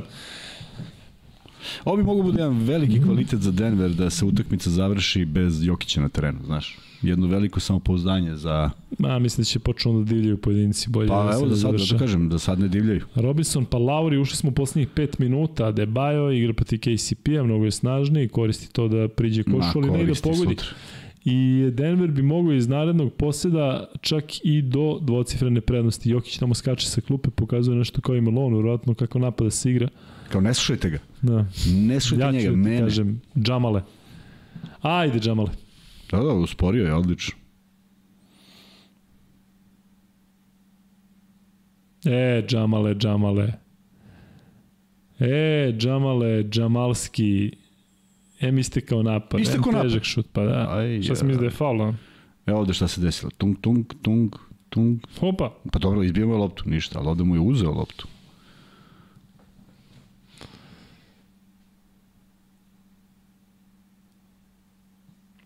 Dobar kontrak. Ona školska. Ali ovde vidi da, da, da, da, da, da ne napraviš pokret ka košu, nego šutneš od koša.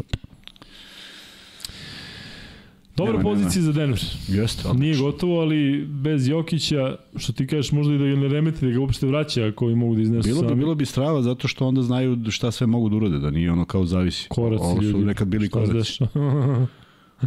nekad bili, a? Vidi ga, vidi ga opet. Opet, opet je nepošten. Da. Vraća Neću se Jokić i obajašnjava Mariju, nemoj da sam šutiraš. Vraćaš. Vidi ga Whittaker, Forrest Whittaker koji sedi kao cura koja čeka ples. Sam lepo rekao. Sad ćemo sviraju peti odmah, gledaj. Šesti. Peti nek sviraju ako treba i tri puta još. Murray.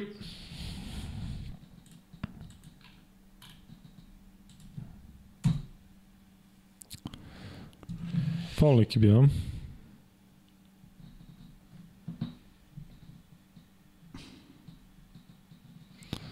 Kuzminskas? Hm? Šta kažu na Instagramu? Bio neki PayPal donation, Bile. neka jaka, ono. Uh, bile, bile, i da, moram se zahvalim stvarno. Hvali se da se šalio ti Ne, pa zaboravio sam. Bruce Brown, faul, uh, da vidimo samo da li Robinson ili Butler, svejedno Brown će imati dva slobodna bacanja i Denver će sigurno ići na, na, na dvocifrenu razliku zato što Brown, Da se zahvalim. Bridge Festu. šta kažu? Pa oni su donirali. Bridge Fest. Bridge Fest. Ne vjerujem ti, to si nešto bre, ti po, pogrešno pročita. Onda je možda Fridge Best. Da se zahvalimo Bridge Festu na donaciji, hvala puno. Hello Vladimir Kuzmanović. Šta je ono sa Pionirom, što si rekao, da ću to da rešim? Ne, šalje mi na neku potpuno 15. adresu. Pa možda nas neko hakao, ozbiljno, nije, nije stvar za... A, ja, nije nas hakao, nego ću samo da onaj drugi telefon ubacim što sam promenio. Pa da nije možda na šefov ili nešto. Nije, nije, nije. Nije. Ne znam koji je broj telefona, daje samo dve posljednje cifre, a nije ni moja ni tvoja. Sunce ti žarno Postaje krajnje sumnjivo. Pa ja ti kažem da nas neki kinezi hakuju. Ljudi, 97, 87, 4 minuta do kraja. Luka, ko te više nervira, Mari ili Madar? Mari. Treći put, ovo je za ove one, tri, tri šuta nogom tehnička. Evo gle. Ja kažem da će biti dvocifrena razlika i po dvocifrena razlika kaže Luka Baksus. Pa kako Baksus?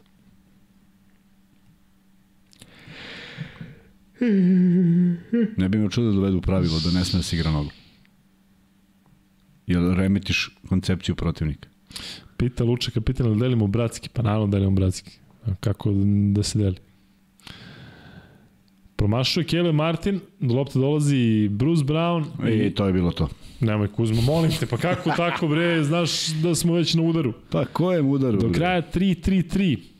Bruce Brown, bit će faul. Eto. I ne važi koš.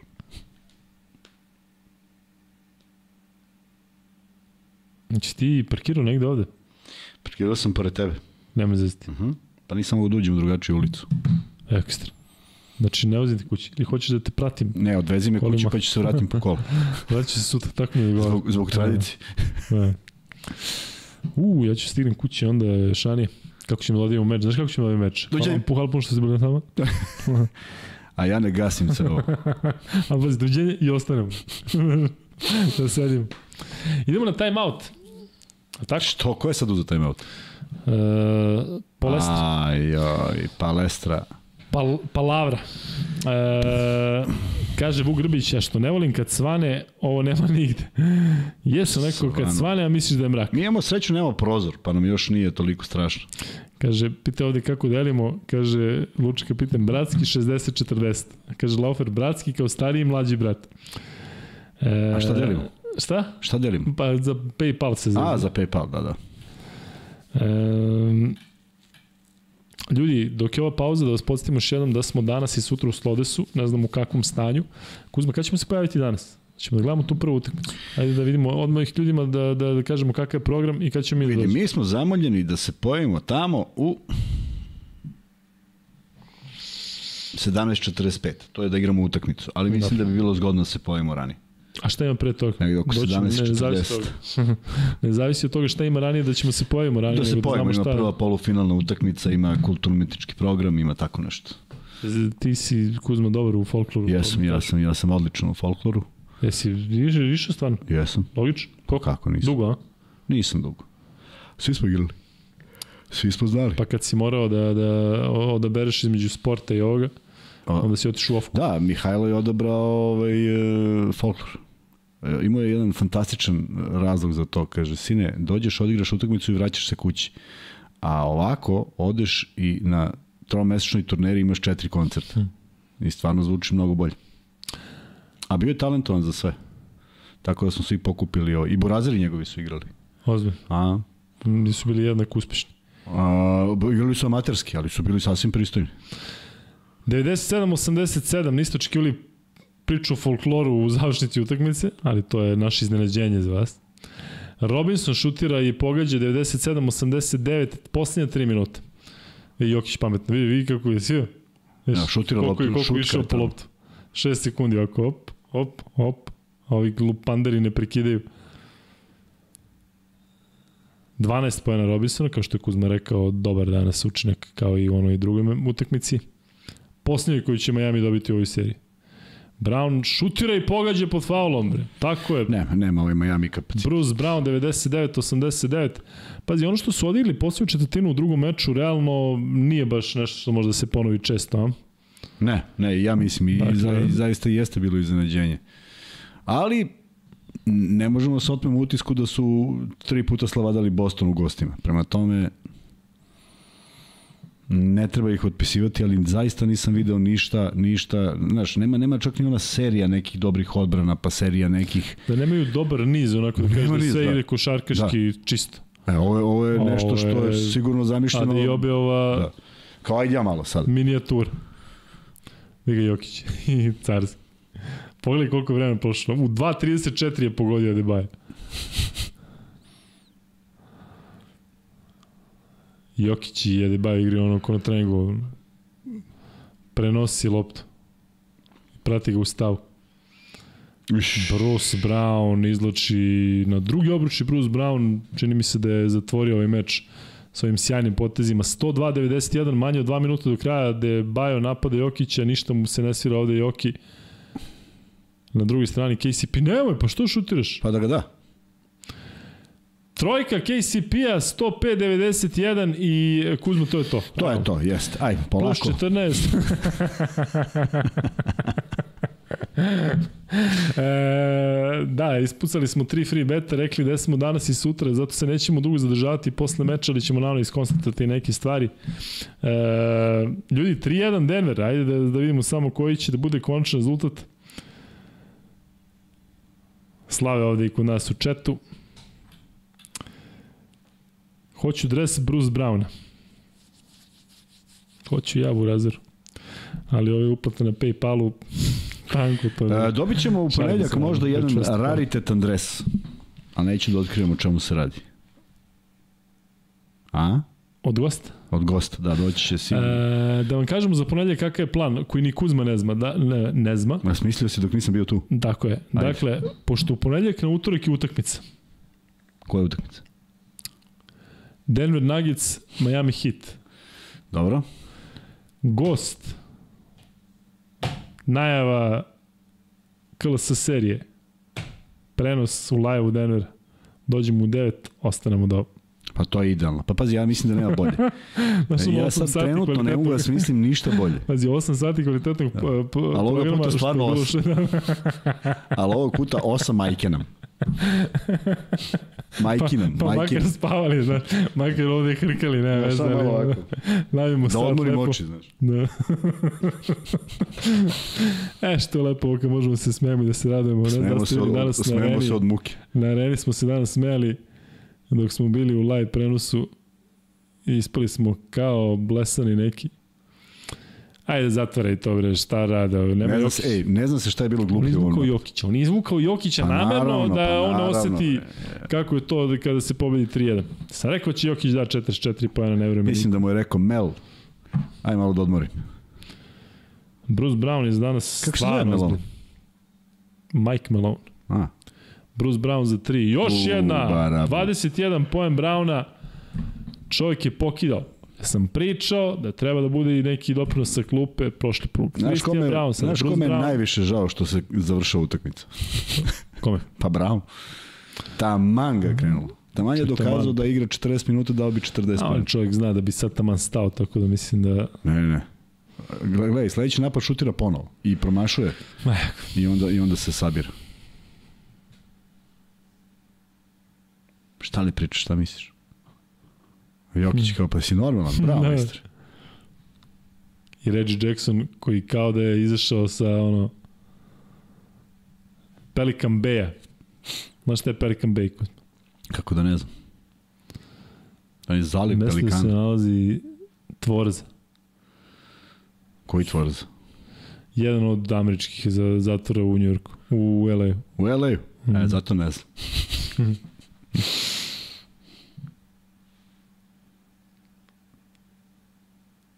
10 pojena u prve tri četvrtine i 11 u posljednje. Pa eto. I šut izigrao 8 od 11. Pričam, znaš koliko mu je krivo što se završao? Sad uzima i on završa, gledaj. Lopta kod njega i on ide na koš. Ali Joki koji ne igra... Evo ti ga Jokić, bre. Ma ne igra. A, ne igra, da. Ovo sigurno su vratili nešto. Iz prve četvrtine.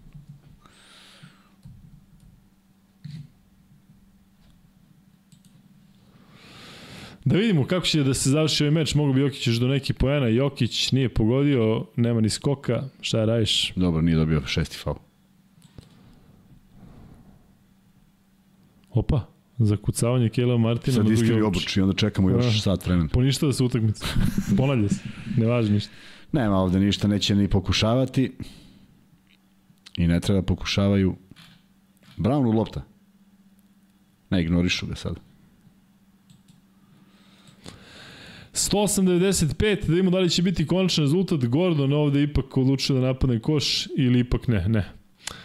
Da, Miami će vjerojatno s druge strane da, da krene na koš, mada možda i neće. Kuzma, uh, rekao bih repriza prve i treće utakmice. Jest, jest.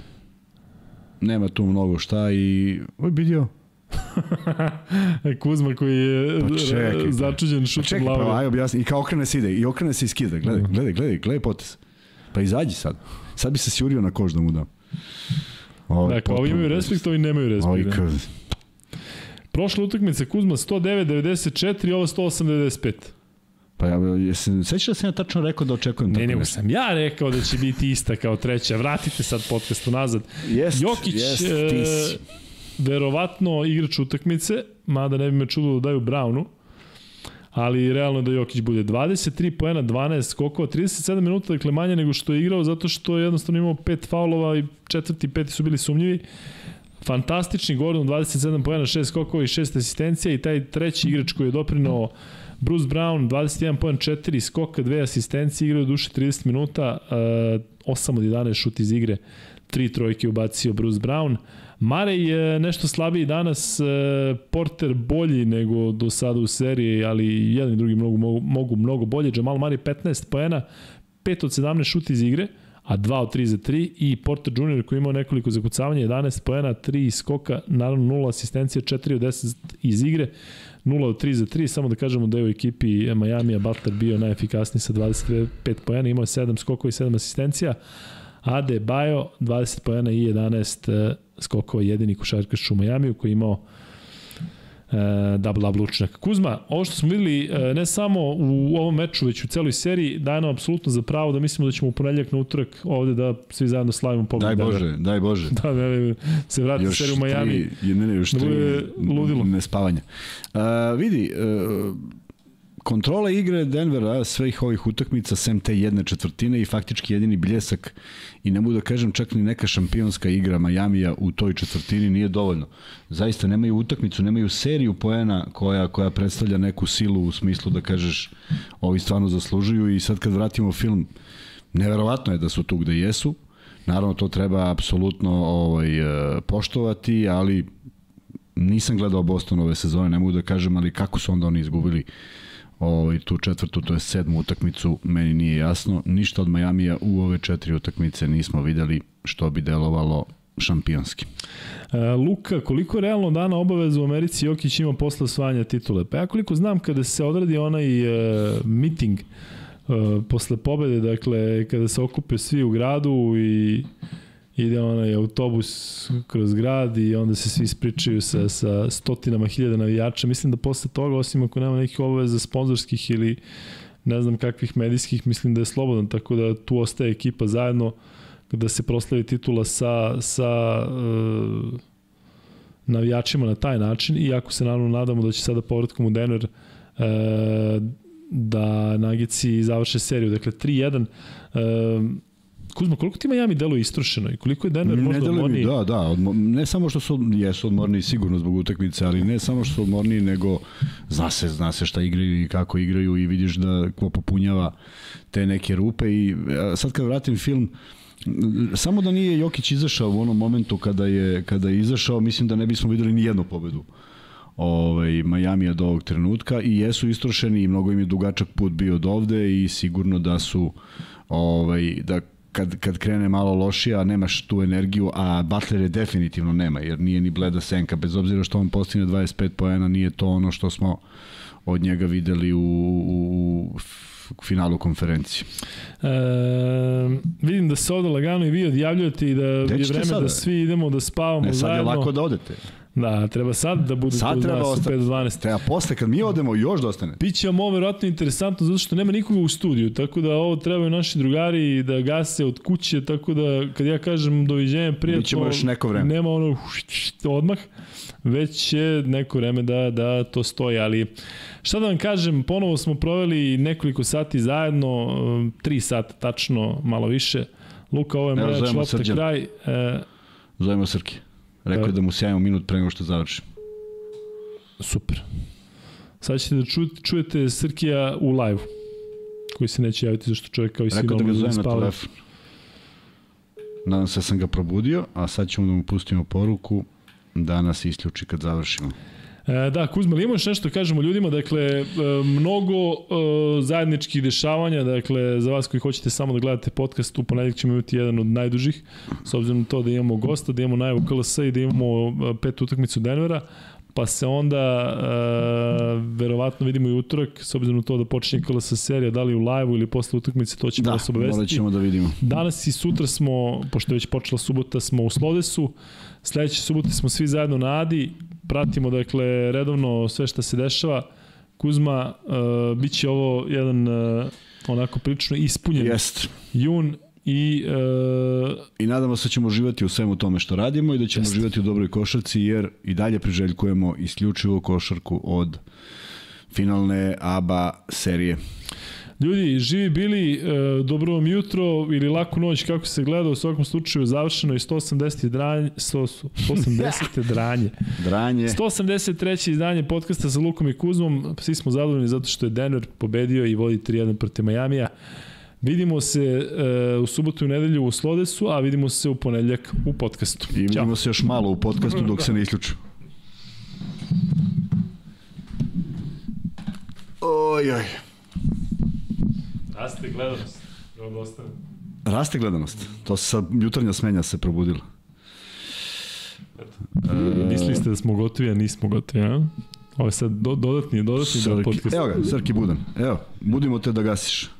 Gasimo sad ćemo. Važi, majstore. Pobedio Denver, nemoj da brineš. Možeš mirno da spavaš. Evo me, ajde. Ćao, majstore. E, još jednom odjeva, vidimo se.